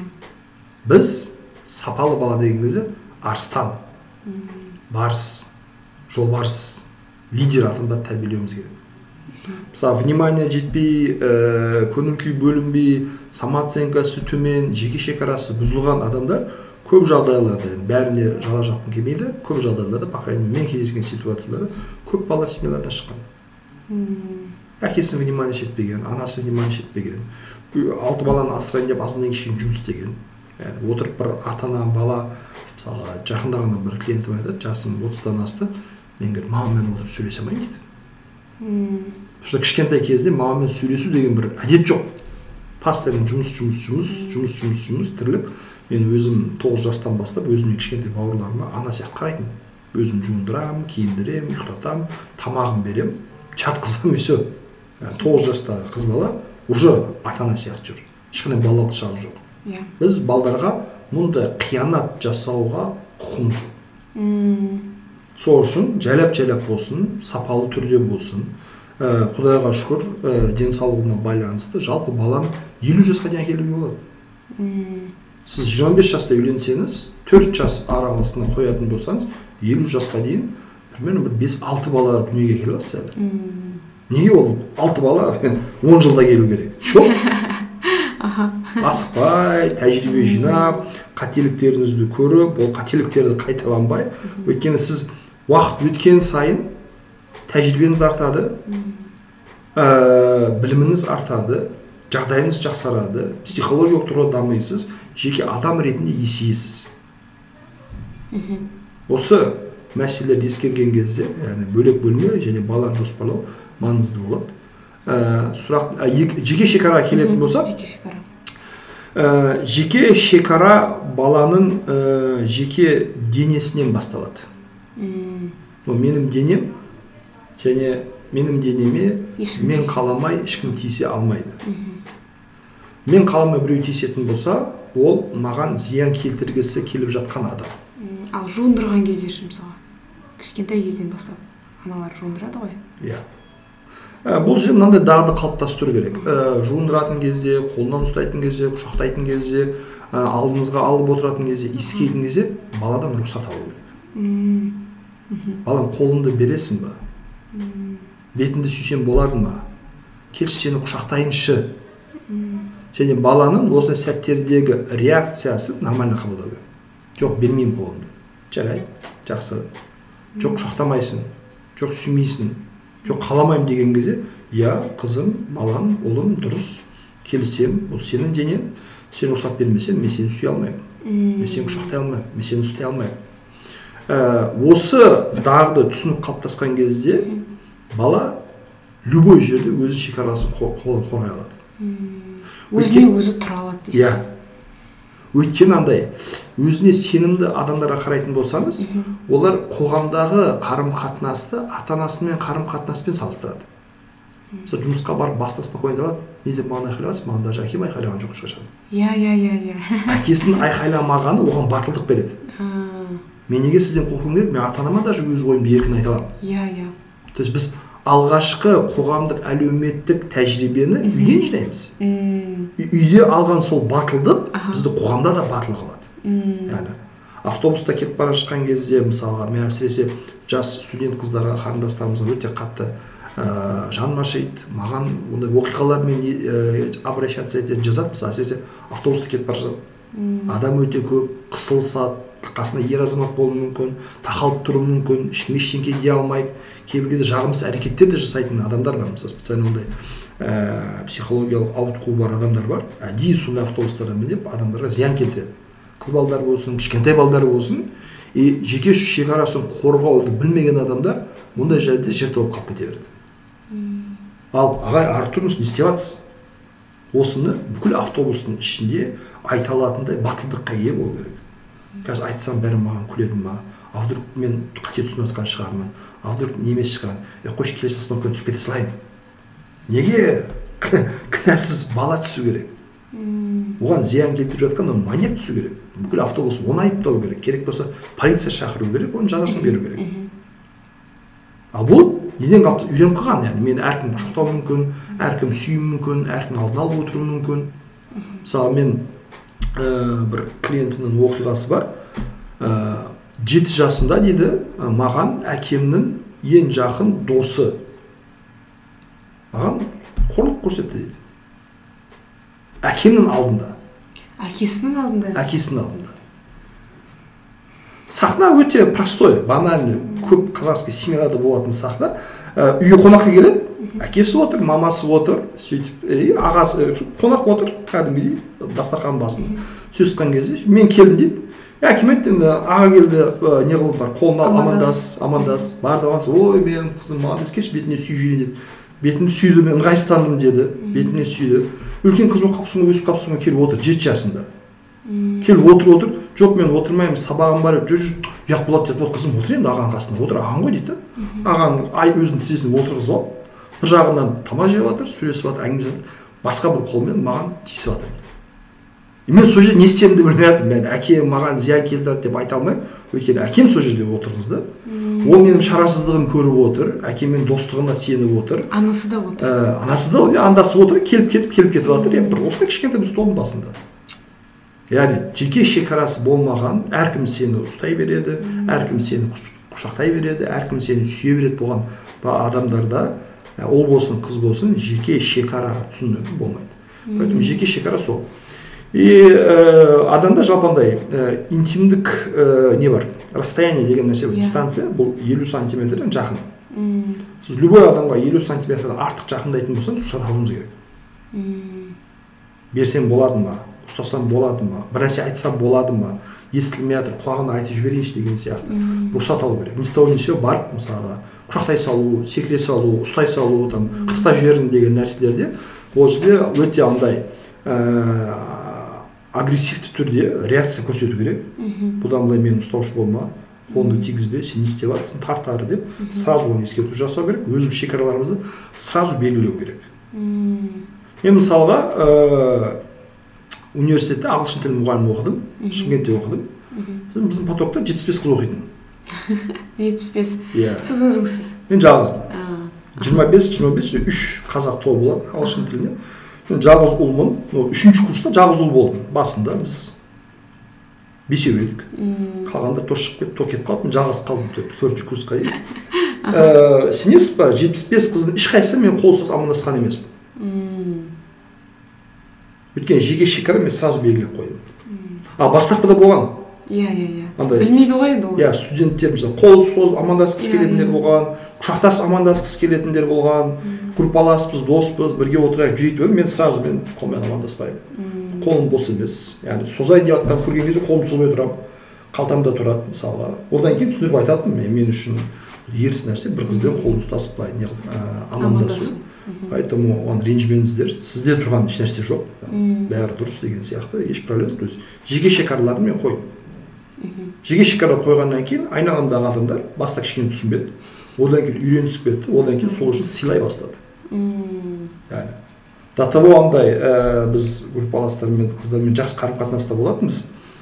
Ә, қыздар мен туралы өзінің жігіттеріне айтады екен. Біздің группада мынандай мынандай жігіт бар там осындай молодец күшті деп па? Е, білмеймін енді білесіздер мақтайды екен короче. Сөйтіп ана үзілісте сабақтан кейін жігіттер маған келеді. не деп келеді. Бергеш сен ба дейді да ержан? Мхм. Иә мен деймін да сен бір ақылдасайын деген едім дейді. Мәссаған. Ә, сен анау қыздың атын айтады да соны бір группаға. Иә ол менің қызым еді негізі үйленуге ниетім бар. Не дейсің қалай жақсы қыз ба? дейді да. Сол заманнан үйленуге адамдар дайын сол заманда психологсыз студент кезден. Яғни келеді ақылдасады там үйлене барған кезде ата аналар а сен ба ержан? деген сияқты мысалға. То есть сіз өзіңіздің құндылықтарыңызды ұстанып ә, өмір сүрген кезде жеке шекараларыңызды қорғай білген кезде адамдар оны әрдайым түсінушілікпен қабылдайды ә, ескереді және сол үшін принциптері бар адамдарды адамдар жақсы көреді. Күшті. Бес принципті адамдарды адамдар қолданады. Жақсы көрген сияқты көрінуі мүмкін бірақ көбінесе қолданады. Поэтому әрдайым принципті болыңыз мм. Және принципті балаға үйретіңіз аха сонда өзіміздің жеке шекарамызды ә, білсек сыза білсек айта білсек басқалар да оны аттауға мұршасы болмайды яғни несі аты не еді?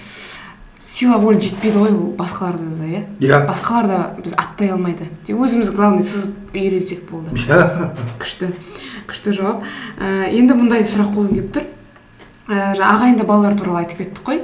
Ә, мысалға арасында төрт жас примерно интервал болу керек. Былай үш жас үш жыл дейікші бірақ төрт жас. Ә, осындай кезде мысалы қазақтарда көбінесе андай ә, бар ғой бірінің киімін бірі киіп өседі. Бұл оқырманның сұрағы.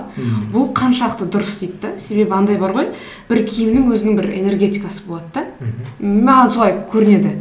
Ә, сосын мысалы келесі балаға кию кигізбеу қаншалықты дұрыс кигізу деген сияқты. Қосымша киім ретінде кигізуге болады. Мм. Негізгі киім ретінде болмайды. Қалай сонда қосымша негізгіні қалай бөлеміз? Яғни баланың өзіне алынған арнайы жаңа киімдері бар. Аха. Бірақ қосымша там туысқандардан жақындардан достардан ағалардан қалған киімдері бар. Ол киімдер әлі таза жыртылмаған Иә. ұқыпты ә, сапалы. Ол жағынан ә, ол киімдерін киюінде мен ешқандай проблема көріп тұрған жоқпын. Бірақ баланы ешқандай жаңа киімі жоқ. Постоянно біреудің қалған киімін киеді постоянно біреудің қалған заттарын киіп жүреді. Бұл баланың самооценкасына әсер етуі мүмкін. Ал мысалға міне саған жаңаны әперіп жатырмыз жаңаны просто андай кішкентай балалардың бір проблемасы олардың киімдері өте қысқа мерзімді. Иә иә иә. Тез өседі ғой? Тез өседі алты ай ғана кие аласыз бір жыл ғана кие аласыз бір сезон ғана кие аласыз тап нотной болып балдар тез өседі мысалы. Сол үшін киім бір жағынан ә, новый болады сапалы болып қалады. Екінші жақ тез кір болады и сіз алты айға мысалға там он футболка алуға шамаңыз келмеуі мүмкін. Бірақ он футболканы тоздыратындай немесе он футболканы ауыстыру керек болатындай балдар жүреді. Тамақ төгіп қояды бар ауыстыр. Кешіресі сиып қояды бар ауыстыр. Көшеге шығады құлап қалады бар ауыстыр. Яғни үлкен ана сияқты емес па и сізде запаста бірнеше футболкалар всегда болу керек. Әкел шеш кидім. Яғни шеш жуып алайын кепсін күт одан кейін кием деген қиындыққа ұшырауы мүмкін. Поэтому өзіне арнайы арна. Мынау саған пакеттен этикеткада магазиннен таңдадық алдық. Баланың өзін жақсы сезінуі самооценкасының жоғары болуы а менде ерекше бұл отбасыда орным бар екен ғой. Маған да бір нәрселер алынады екен ғой деп сондай сезімде болу үшін. Ал қосымша запас ретінде ауыстыруға уақытша киюге болатындай мынаны кие тұр үйге барып ауыстырамыз дейтіндей запаста яғни біреудің таза киімдері болуында ешқандай проблема жоқ. М, күшті. Күшті жауап. Ә, рахмет. Енді қараңыз мұндай бала тәрбиесіне айтып жатырмыз ғой. Және қыз баланың және ер баланың тәрбиесінде қандай айырмашылық бар? Жыныстық. Переходной возрастқа дейін ешқандай айырмашылық жоқ. Аха. Ә, екеуі де бала жалпы өзінің қатты бір жынысын да түсіне бермейді. Бұл балалар қыз балдар сияқты болады нәзік Иә, иә. болады. Жылауық болады қорқақ болады мысалға. Даже кейбір жағдайларда қыз балдар ол балдарға қараған кезде батылдырақ болады. Пысық болады. Өйткені жасы бірдей болғанымен яғни қыз балдар тезірек дамиды тезірек өседі. Ә, условно бір жарым жас екі жас үлкендеу болады. Бірдей болғанның өзінде. Сол үшін бұл жерде ондай бір ә, қатты айырмашылық жоқ. Ә, қарым қатынаста ә, отношенияда қатты айырмашылық жоқ. Оны ескеріп общий бала тәрбиесінде принципте ұстану керек бірақ мына нәрсеге назар аудару керек деп ойлаймын. Баланың киімі ә, ойнайтын ойыншығы араласатын ортасына назар аудару керек.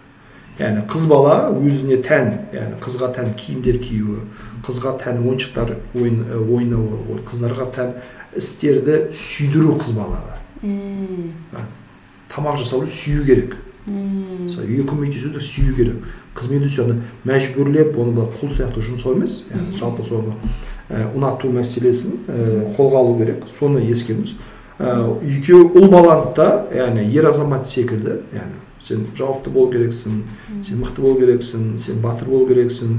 Оған спортқа көбірек ә, мысалы пайғамбарымыз сүннеті балдарға садақ атуды үйреткен күресуді үйреткен атқа мінуді үйреткен.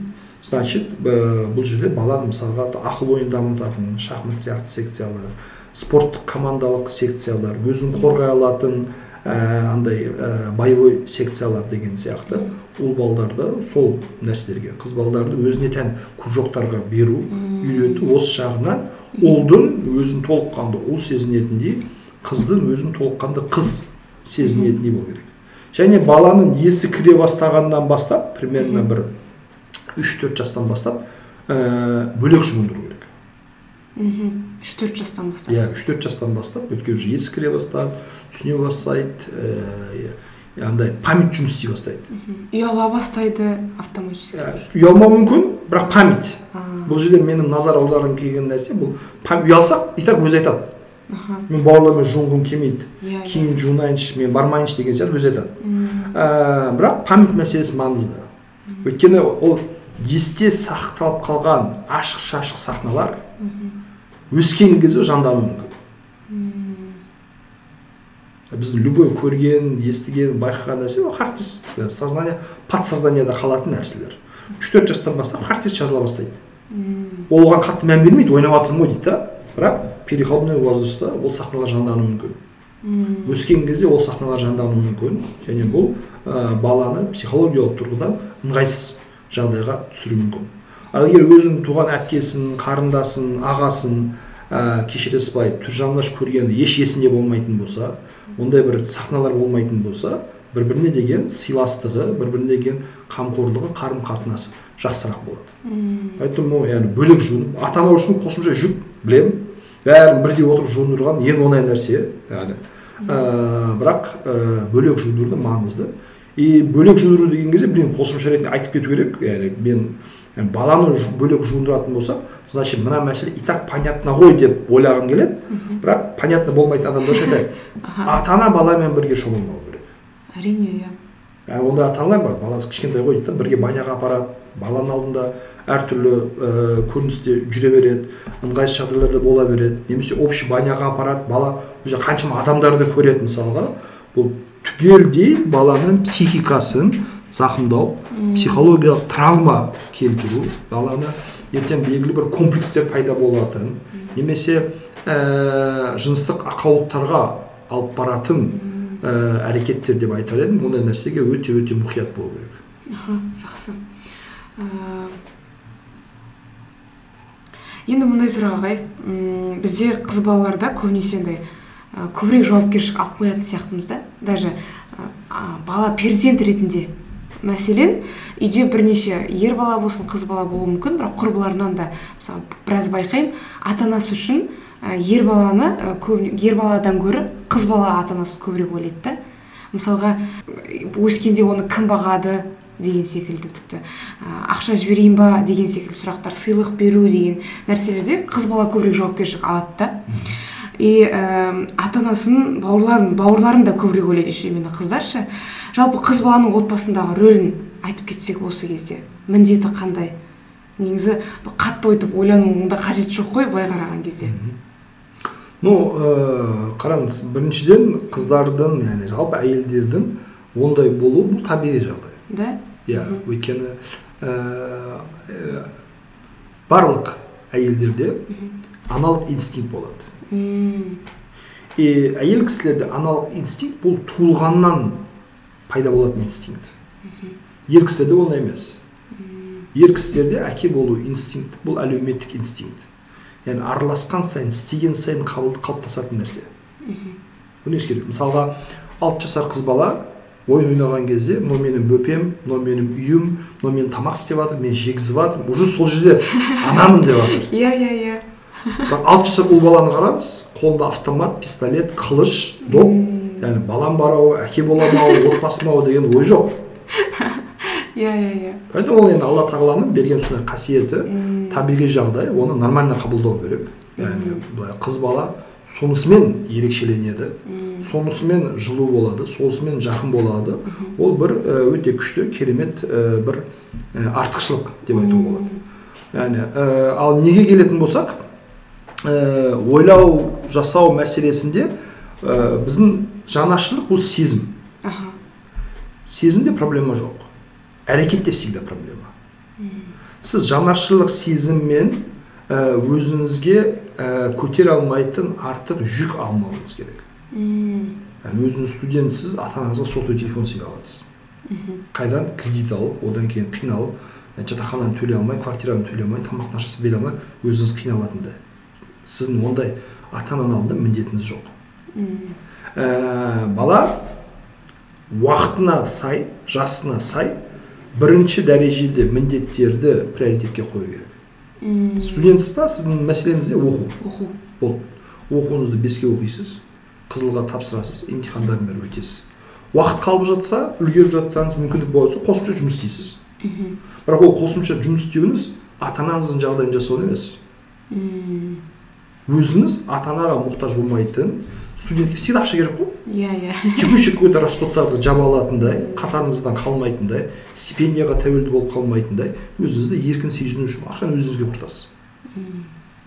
Ә, и қазір мынаны ойлау керек. Мысалға студенттер қазір 18-20 жасындағы балдар қыздар студент. Бұлардың ата аналары неше жаста? 45-50 жасында. Әлі пенсияға шықпаған ғой. Иә. То есть бұлар жұмыс істеп жатыр айлығы бар үйі бар жағдайы бар семьясы бар бәрін құрған бәрін істеген өмір көрген уже барған кезде демалуға жақындатқан адамдар. Оларға сіз жағдай жасамайсыз. Олар сізге жағдай жасайды. Сіздің өмірлік әлі алдыңызда талай асу керек ә, белестер толып жатыр. Сіз оқуды бітіруіңіз керек жұмысқа тұруыңыз керек тұрмысқа шығуыңыз керек бала дүниеге әкелуіңіз керек. Оларды қарау керек үй алуыңыз керек машина алуыңыз керек сіздің нелеріңіз көп қажеттіліктерім көп көбірек қажеттіліктеріңіз көбірек сіз соның барлығын өтеп болып кейін барып ата анаға көмектесесіз соның бәрін өтейін дегенше он он бес жыл өтеді елуге он он бес жыл көріңіз алпыс бес жетпіс жас болады как раз сіздің қарауыңызға мұқтаж болған жастар болады жұмыс істей алмайтын то есть анау ә, кәрілік бұл да бір балалық дейді ғой. Иә иә иә. Балалыққа келген кезде қамқорлыққа зәру болған кезде шын мәнінде сіздің қолдауыңызға зәру болған кезде сізге айтасыз машинем бар үйім бар жағдайым жақсы бәрін істеп алдым әке давайте сізді бір санаторийге жіберейік. Ана давайте сізді шетелге бір теңізге жіберейік емделіп қайтыңыз жүріп қайтыңыз деп сол жерде жасайсыз. Әке сізге жаңа телефон алып берейін немерелеріңізді жиі жиі звондайтындай жақсы камерасы бар жақсы дауыс естілетіндей қарайды сол кезде жасайсыз. Сол кезде ол орынды болады қажетті болады және құнды болады. Оған дейін яғни біз андай ата ананың алдында әйтеуір мені мақтасын менімен мақтансын ә, вот балам жұмыс істеп жатыр сотка беріп жатыр қалай алып жатыр не істеп жатыр. Мысалға бұл өте андай ә, ауыр жағдайлар. Мен просто ата анама көмектесемін деп басына не бір бәле тапқан адамдар білемін ақша керек жұмыс істеу керек деп. Ә, жаман жолдарға түскендер ә, қаншама естіп жатамыз көріп жатамыз. Бұзылған адамдарды қаншама естіп жатамыз көріп жатамыз? Жоқ. Сен студентсің бірінші міндетің оқу. Болды оқимын үйренемін білемін. Ә, өзің қажеттіліктерін жабатындай қосымша жұмыс істеу мүмкіндігі болса жұмыс істейсің. Ал әке шеше ағайын туысқан бауырлар біреудің кредиті ананың інісі мынаны оқыту бұлардың барлығын ысырып қою керек бұл опять таки жеке шекара мәселесіне келеді. Мен менің қажеттіліктерім. Мысалы алла тағала бізге неге эгоизм сезім берген? Өзімізді ешкімге жем қылмау үшін. Өзімізді басқаларға қор қылмау үшін өзімізді бірінші орынға қою үшін. Өзін бірінші орынға қойған адам өзін бірінші орынға қойған адам басқаларды да бақытты қылады. Сіздің қазір сапасыз аз аздап зорға зорға қиналып берген көмегіңізден гөрі бұл көмекті 5 жылдан кейін беріңіз 10 жылдан кейін беріңіз өзіңіз де қиналмайсыз басқаларға да от души жасайсыз әрі ол көбірек болады. Әрі ол көбірек болады ол көбірек болады. Ал қазір негізгі мақсаты оқу мақсатынан тайып басқа нәрсемен ауып кету ойбай інімді оқыту керек ағам балдарына көмектесу керек ананы жасау керек мынаны жасау керек. Иә. Оның барлығы керек ондай сезім болсын ондай түсінік болсын. Бірақ әрекетке ә, бара жатқан кезде өзіңізге зиян келтірмеу. Яғни эгоизм инстинкт самосохранение өзін сақтау инстинкт деп айтады. Оның маңыздысы өзіңізге зиян келтірмеу. Иә иә. Мен біреуге жақсы жасайын деп өзіме зиян келтірмеу керек. Не во вред себе ешқашан ол өте ә, маңызды принцип және қазіргі таңда қажетті принцип. Өйткені даже ата ана кейде әділ бола алмайды. Даже ата ана кейде қалай айтсам ә, қателік жасауы мүмкін. қателік жасауы мүмкін ә, түсіне алмайды дейміз ба бір мейірім жетпейді дейміз ба? Мысалы мен ойлаймын да сен 45 жастағы еркексің. Әлі 19 жасар студент қызын саған ақша жіберіп жатыр. Мен алуға ұялатын едім. Бұл бір намыс мәселесі. Не мен инвалидпін ба? Аяқ қолым істемейді ма? Есім дұрыс емес па? Төсек тартқан адаммын ба? Неге маған 19 жасар қызым ақшалай сыйлық жасайды? Қызым бұдан былай жіберуші болма. Тауып жатқан табысың бар болса алып жатқан ақшаң бар болса өзіне жұмса. Сен студентсің. Сенен қазір спрос жоқ мысалы даже бір ғалым кісі өте жақсы айтады анда студенттердің білім алып жатқан білім қуып жатқан адам бір жастардың статусы туралы ә, тоқымы алтыннан болса да студентке стипендия беру керек дейді. Машалла күшті екен оған көмектесу керек оған вложение жасау керек оған жағдай жасау керек одан да мүмкіндіктер арттыру керек. Наоборот біз саған ақша жинап берейік давай осы жазда үш айға стажировкаға там америкаға барып қайт. Өз мамандығым бойынша англияда мынандай университетте курс болып жатыр екен күзде соған оқып қайт. Біз қосымша всегда вложение вложение вложение. А қашан сен аман есен оқуыңды бітіресің жұмысқа тұрасың табысты боласың одан кейін одан кейін де өзіңе өмір сүр. Біз мына ата аналардың ә, балаларды борыштар қылу психологиясынан арылуымыз керек. Иә. Потому что арамызда мен бердім сен қарызсың түсінік болатын болса сүйіспеншілік сыйластық кетеді. Сүйіспеншілік сыйластық кетеді. А значит ата анам мені жақсы көрген үшін істеген жоқ екен. Ертең мен оларға қайтарсын деп істеген екен. Еще процентпен қайтарасың. Иә иә иә. Сіз үш жас төрт жас бала есін жинайды дедік қой яғни отырып договорға отырдыңыз ба? Мен сені бір он бес жылдай қараймын. Примерно мынандай расход шығады бірақ сен жұмысқа тұрғаннан кейін ай сайын мынаншадан маған қайтарасың деген. Жоқ. Яғни бұны ата ана әрбір ата ана осыны ескерсе екен деймін да. Сол кезде біз көптеген балдарды көптеген жастарды түрлі психологиялық материалдық ауыртпалықтардан құтқарамыз. Бала и так мүмкіндігі болса жағдайы келсе и так жасайды. Иә. Жасап жатқан жоқ болса екі себеп бар. Простой или мүмкіндігі жоқ неге оны қинап жатсыз или желаниясы жоқ? Неге жалынып жатсың баламның маған қарау желаниясы жоқ болатын болса баланың маған көмектесу желаниясы жоқ болатын болса значит мен тәрбие процесіне где то бір қателік жасадым. Баланың көңіліне кіре алмадым өзімді сүйдіре алмадым аздан кейін жұмыс істеп жүрдім баламен уақыт өткізбедім. Бұл менің қателігім. А мүмкіндігі жоқ болатын болса неге оны қинаймын? Ата ана ретінде жаны ашып танып қайта балам сен енді жұмысқа бастап жатрсың үлкен қалаға бардың айлығың там жүз елу ақ мың теңге квартираға жүз мың теңге беріп жатрсың давай біз саған жіберейік тағы да. Өйткені мен қырық бес елу жастағы ересек адаммын мен үйім бар аренда төлемеймін. Менің көлігім бар жаяу жүрмеймін. Менің тұрақты жұмысым бар айлығым бар яғни мен ешкімге мұқтаж емеспін. Сен енді карьера басталып келе жатсың үлкен қаладасың қиындықтар үшін қолыңнан келе менде міне расходтардан артылып жатқан мынанша ақшам бар саған жіберейін. То есть осы түсінікте болу керек және андай бір бірімізге қарызсың борыштарсың деген психологияда ә, болмау керек. Яғни бақытты болудың формуласы өте оңай еді. Ешкім ешкімге ештеңе қарыз емес. Аха. Міндетті емес. Ата анамыз ба? Алла тағала әмір еткен үшін ата анамыз балаға қарадық па? Балаға қарау міндетіміз болған үшін қарадық. Бала бізге алланың берген сый аманаты болған үшін қарадық. Болды. Алла тағала сізге айтады. Мынандай ғой мен сізге айтамын жаным стаканға қарай тұршы мен қазір келемін деймін. Сөйтіп бір сағаттан кейін келемін кәдімгі стаканымды берші деймін да. Сіз тоқтаңыз стаканыңызды бермеймін. Бұл стакан маған әлі қызмет ету керек дейсіз.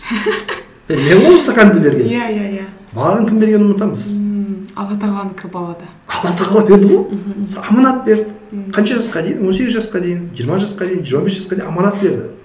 Сен аманатқа қиянат етпей аман есен сақтап болды уже өз өзіне жауап беретін халге келтірме уф құдайға шүкір аманаттан құтылдым дейсің. Наоборот жеңілдедім деп иә. Аха. Как будто андай бір өзім жеке меншігім жеке бір затым яғни біреудің сыйы ілтипаты екенін ұмытып қаламыз да и оны бастаймыз. Сен міндеттісің сен қарыздарсың сен борыштарсың жұрттың балдарына қара жұрттар әке шешесін санаторийге жібереді сені жақсы көрген жоқпыз қашан бізге карточканы ұстатасың деген не түсінік бұл бұлдан нәрселер ә, дұрыс емес поэтому мынау яғни бір бірімізге қарыз болу психологиясы арылуымыз керек қыз баланы жанашырлық ә, бұл табиғи нәрсе бірақ бұны біріншіден қыздар жеке шекараларын қорғап ешкімнің бұған манипулировать етуіне мүмкіндік бермеу керек басқаларға көмектесіп жанашырлық танытатын кезде өзіне зиян келмеу керек өзіне қиын жағдайға түсірмеу керек.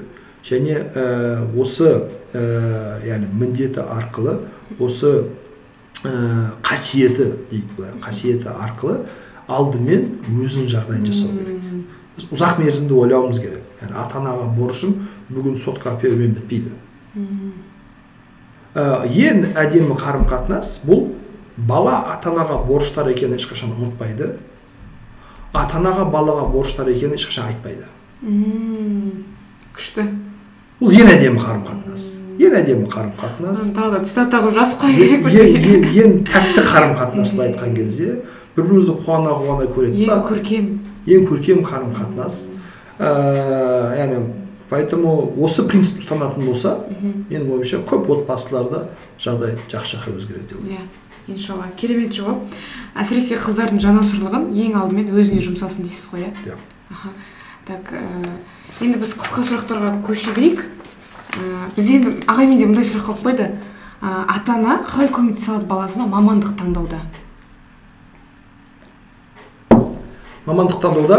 Ну біріншіден ә, баланы ә, кішкентай кезінен түрлі секцияларға жиі беру керек. Секция үйірмелерге өйткені секциялар үйірмелер сабақтан тыс баланың қосымша қабілеттерін ашады қызығушылықтарын ашады. Дамуына көмектеседі екіншіден ә, баланың жеке таңдауына көп нәрсені қалдыру керек бірақ ата ана ретінде кеңес беру керек. Бала мен сені танимын менің ойымша сен мынандай мынандай мынандай мамандыққа барсаң жақсы болады сенің қолыңнан мына істер келетін сияқты. Яғни кеңес қызығушылықтарына орай өзіне сай. Иә кеңес беру. Және кеңес берген кезде шынайы кеңес беру керек. Яғни, Иә. маған мынандай болсаң жақсы болар еді. Мына жерде біздің бір ағамыз отыр еді. Негізі мына мамандықта ақша бар. Давай соған бір манипуляция шын мәнінде. Мысалы сіз білесіз сіздің балаңыздың қолынан футболдан басқа түк келмейді. Балам сен давай экономикаға бар ол жерде ақша бар сен негізі ақшаны есептей аласың ғой деп өтірік айтудың керегі жоқ. Бала менің ойымша сен сенен жақсы футболист шығады жақсы футбол жаттықтырушы тренер шығады. Поэтому егер қаласаң еш проблема жоқ. Яғни ә, спорт университетіне оқуға түс біліміңді сол жерде жетілдір. Корочкаңды ал сол бойынша жұмыс істе бақытты бол и ата ана мә сонша жыл оқып оқып баласын қарашы әшейін футболист болып жүр әшейін бір ә, физрук болып жүр там, тренер болып жүр деген сияқты төмен түсетін сөздерден ұялмау керек зато менің балам өзіне ұнайтын жақсы істей алатын іспен айналысып жатыр және бақытты бақытты ұнайтын іспен айналысқан автоматты түрде бақытты бақытты ә, болып жатыр осыған ә, назар аудару керек кеңес берген кезде ә, түрлі психологиялық тесттер өткізіп егер андай белгісіздік болатын болса білмеймін түсінбеймін психологиялық тесттер де жақсы көмектеседі өзін тану қабілеттерді білу ерекшелерді айқындау и ә, үшіншісі наверное ә, не ұнайтынын білмеген кезде не ұнамайтынына назар аудару керек күшті күшті иә жақсы не ұнайды не ұнамайды маған бір жерде отырған ұнамайды все финансист экономист айтишник деген мамандық саған келмейді. Ол жерде отыру керек. Иә.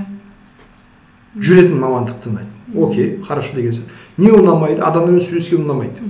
Сен значит продавец бола алмайсың. Сатушы бола алмайсың. Гуманитарный пәндікке бармаймыз. Все хорошо. Не ұнамайды мынау ұнамайды. Ұнамайтын нәрсе шектеген кезде сол кезде уже выбор аз болып қалады да. Иә. Ну давай осылардың біреуін бір көрейік. Және мына установка қате. Бала мұқият бол. Бұл сенің өмірлік таңдауың. Бұл өмірлік таңдау емес бұл жай әшейін эксперимент мен бүгін физрук болуды қалауым мүмкін бір жылдан кейін университетке барып үлкен қалаға барып жаңа мүмкіндіктерді көріп е құрсын физрук емес мен там білмеймін там бір ыыы саудагер болғым келеді бизнеске барғым келеді және и бұл мамандықты бала любой уақыт ауыстыра алатынын білу керек біз ойлаймыз ғой ана бір рет түстім ба амал жоқ до конца оқуым керек иә иә төрт жыл жоғалтамыз одан кейін басқа жұмысқа береміз лучше бір жыл жоғалт. Басқа мамандыққа өт төрт жыл оқы бір жыл ғана минуста боласың. Екі жыл оқы екі тастап кет ауыстыр екі жыл минуста боласың. Бұл жерде просто ата ананың давлениесі өте қатты болады балаға.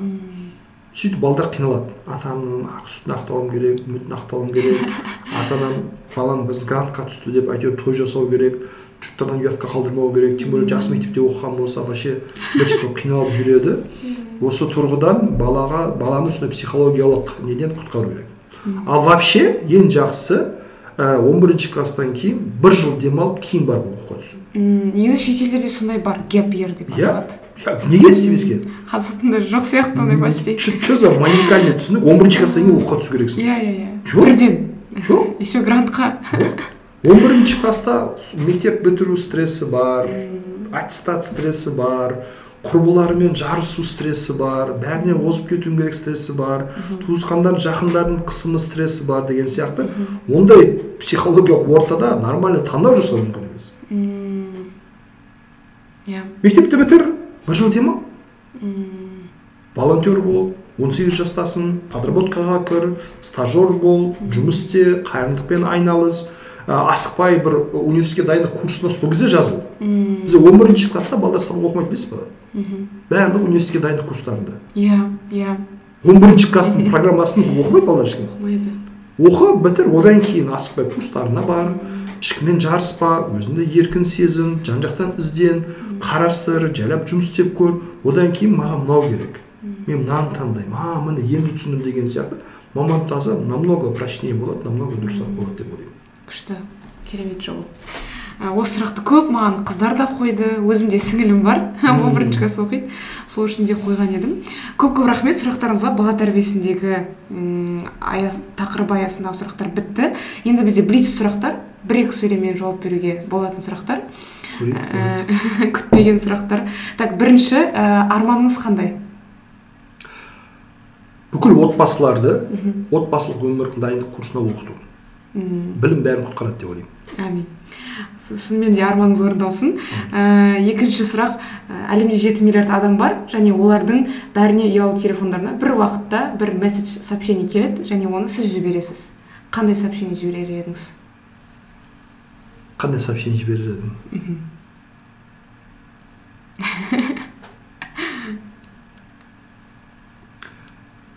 Сен қайтыс болған кезде ең көп қайғырып жылайтын артынан ең ұзақ уақыт сені іздейтін отбасың болады. М, поэтому қазір бәрінен көп оларға көңіл бөл деп айтатын едім. Күшті жауап. Ә, мындай сұрақ. Құдай сақтасын бірақ бүгін соңғы күн десе бүгін жұма екен деп жатсаң деп айтамын. Бүгінгі күніңіз қалай өтер еді? Соңғы күнді біліп өтсе кәдімгідей өтетін еді күнделікті өмір сияқты. Yani бір қосымша бір нәрсе жасайтын едім деп ойламаймын. Ә, бірақ ә, отбасымен өткізетін едім ә, мен кеткеннен кейін мен туралы жақсы естелік қалсын. Мен кеткеннен кейін білмеймін бере алсам жеткізе алсам үйрете алсам жақсы дүниелер қалсын. Ә, әкелерімен мақтансын күйеуімен мақтансын. Отбасымен уақыт өткізер едім. Күшті машалла. Негізі осылай менің соңғы күнім бұрынғыдай да бола ә, берер еді соңғы күнім болса да деген сөйтіп жауап беретін адамдарды шынымен үлгі тұтамын. Иә. Ә, енді мындай сұрақ. М, басында ұнамсыз көрінгенмен соңғы нәтижесі ә, жақсы болған қайырлы болған бір оқиға. Біз үйленген кезде біздің бес жыл баламыз болған жоқ. Біз соған байланысты ә, жолдасыммен стресс болды переживание болды депрессия болды. Жолдасым көбірек мазаланды. Бірақ сол уақыт аралығында біз ә, магистратура оқып алдық. Шетелге барып алдық. Бір бірімізге жақынырақ болдық. Балдарсыз да бір біріміз үшін өмір сүре алатынымызды түсіндік. Және оның бәрінен де маңызды екенін білдік. Сол кездегі бір бірімізге көрсеткен қолдауымыз ә, біздің қарым қатынасымызға өте жақсы оңды әсер етті. Бұл бірінші пайдасы екінші пайдасы мен үйленгенге дейін балдарды жақсы көрмейтінмін даже уайымдайтынмын ертең қандай әке боламын кішкентай бала алу жылау еркелету ойнау там енді болады ғой туысқандардың балдары деген сияқты ә, маған подростктермен жұмыс істеген оңайырақ болады Мм. мен мектепте мұғалім болдым олармен проблема кішкентай балдар қатты мен көтере алмаймын деп ойлайтынмын бірақ алла тағала осындай сынақ арқылы баланы аңсау армандау күту оның қадірін білу может быть әке ретінде бір жетілдім өстім дамыдым дайындалдым ә, деп айтсам да болады. Құдайға шүкір қазір үш баламыз бар. Барлықтарын өте қатты жақсы көремін. Алла тағала бізге жақсы ата ана болып салиқалы ұрпақ тәрбиелеуді нәсіп етсін. Әумин әумин. Және өте күшті алла тағала ә, дайындық дейсіз ғой. Дайындық жасап керемет ең ұлы ұстаз ғой. Ә, енді мындай сұрақ. Қыз баланың миссиясы не деп ойлайсыз? Бақытты болу. Бақытты болу. Күшті. Ал ер баланың миссиясы? Бақытты қылу бақытты болу машалла. Қандай күшті жауап ә, одан кейін мындай сұрақ. Қыз балаларға қандай кітап оқуға кеңес бересіз? Лобковскийді оқысын. М, біздің қоғамға кішкене такой психологический шок беретін кітаптар керек. Самооценка жеке шекаралар. Яғни өзіміздің құндылықтар фильтрінен өткізу керек. Бірақ жалпы идеясы дүниесі яғни бізге жетіспей жатқан ә, моменттер бар. Хочу и буду деген кітабы бар. Яғни соны бір оқып алып одан кейін оны құндылықтары бар кісілермен бір талқыласа алатын инсайттар немесе қатты бір шектен шығып кетпеу үшін но ондай бір кітап керек деп ойлаймын. Самооценканы көтеру байланысты. Күшті. Күшті. Барлық сұрақтарыңызға жауап керемет. Ә, барлығын бәрін цитата қылып бүйтіп жазып қоятын бір жерге іліп қоятын. Бәрі ә, айтып жатқан нәрсе. Алла разы болсын ағай. Көп көп рахмет. Арнайы келгеніңізге уақытыңызға өте сапалы түрде екі күніңізді арнағаныңызға. Ә, көп көп рахмет. Алла разы болсын. Жақсы. Сізге рахмет. Шақырғаныңызға осындай подкастқа бізді қонақ ретінде алғаныңызға. Яғни оқырмандарға пайдалы болады деп ойлаймын. Ә, мен обычно сұхбат берген кезде ең үлкен пайдасын өзіме көремін. Өйткені білген нәрсені бір апдейт жасау өз өзімен бір әңгімелесу өз өзімен бір талқылау мәселелерді өз құндылықтарыңды қайта бір қарап шығу мәселесі өзім жақсы бір энергия заряд аламын сіздің подкастыңызға сәттілік. Рахмет көп подкастты қолдағыңыз келсе төменде реквизит көрсетемін. Сол жақта қолдай аласыздар. Ендеше сау саламатта болыңыздар.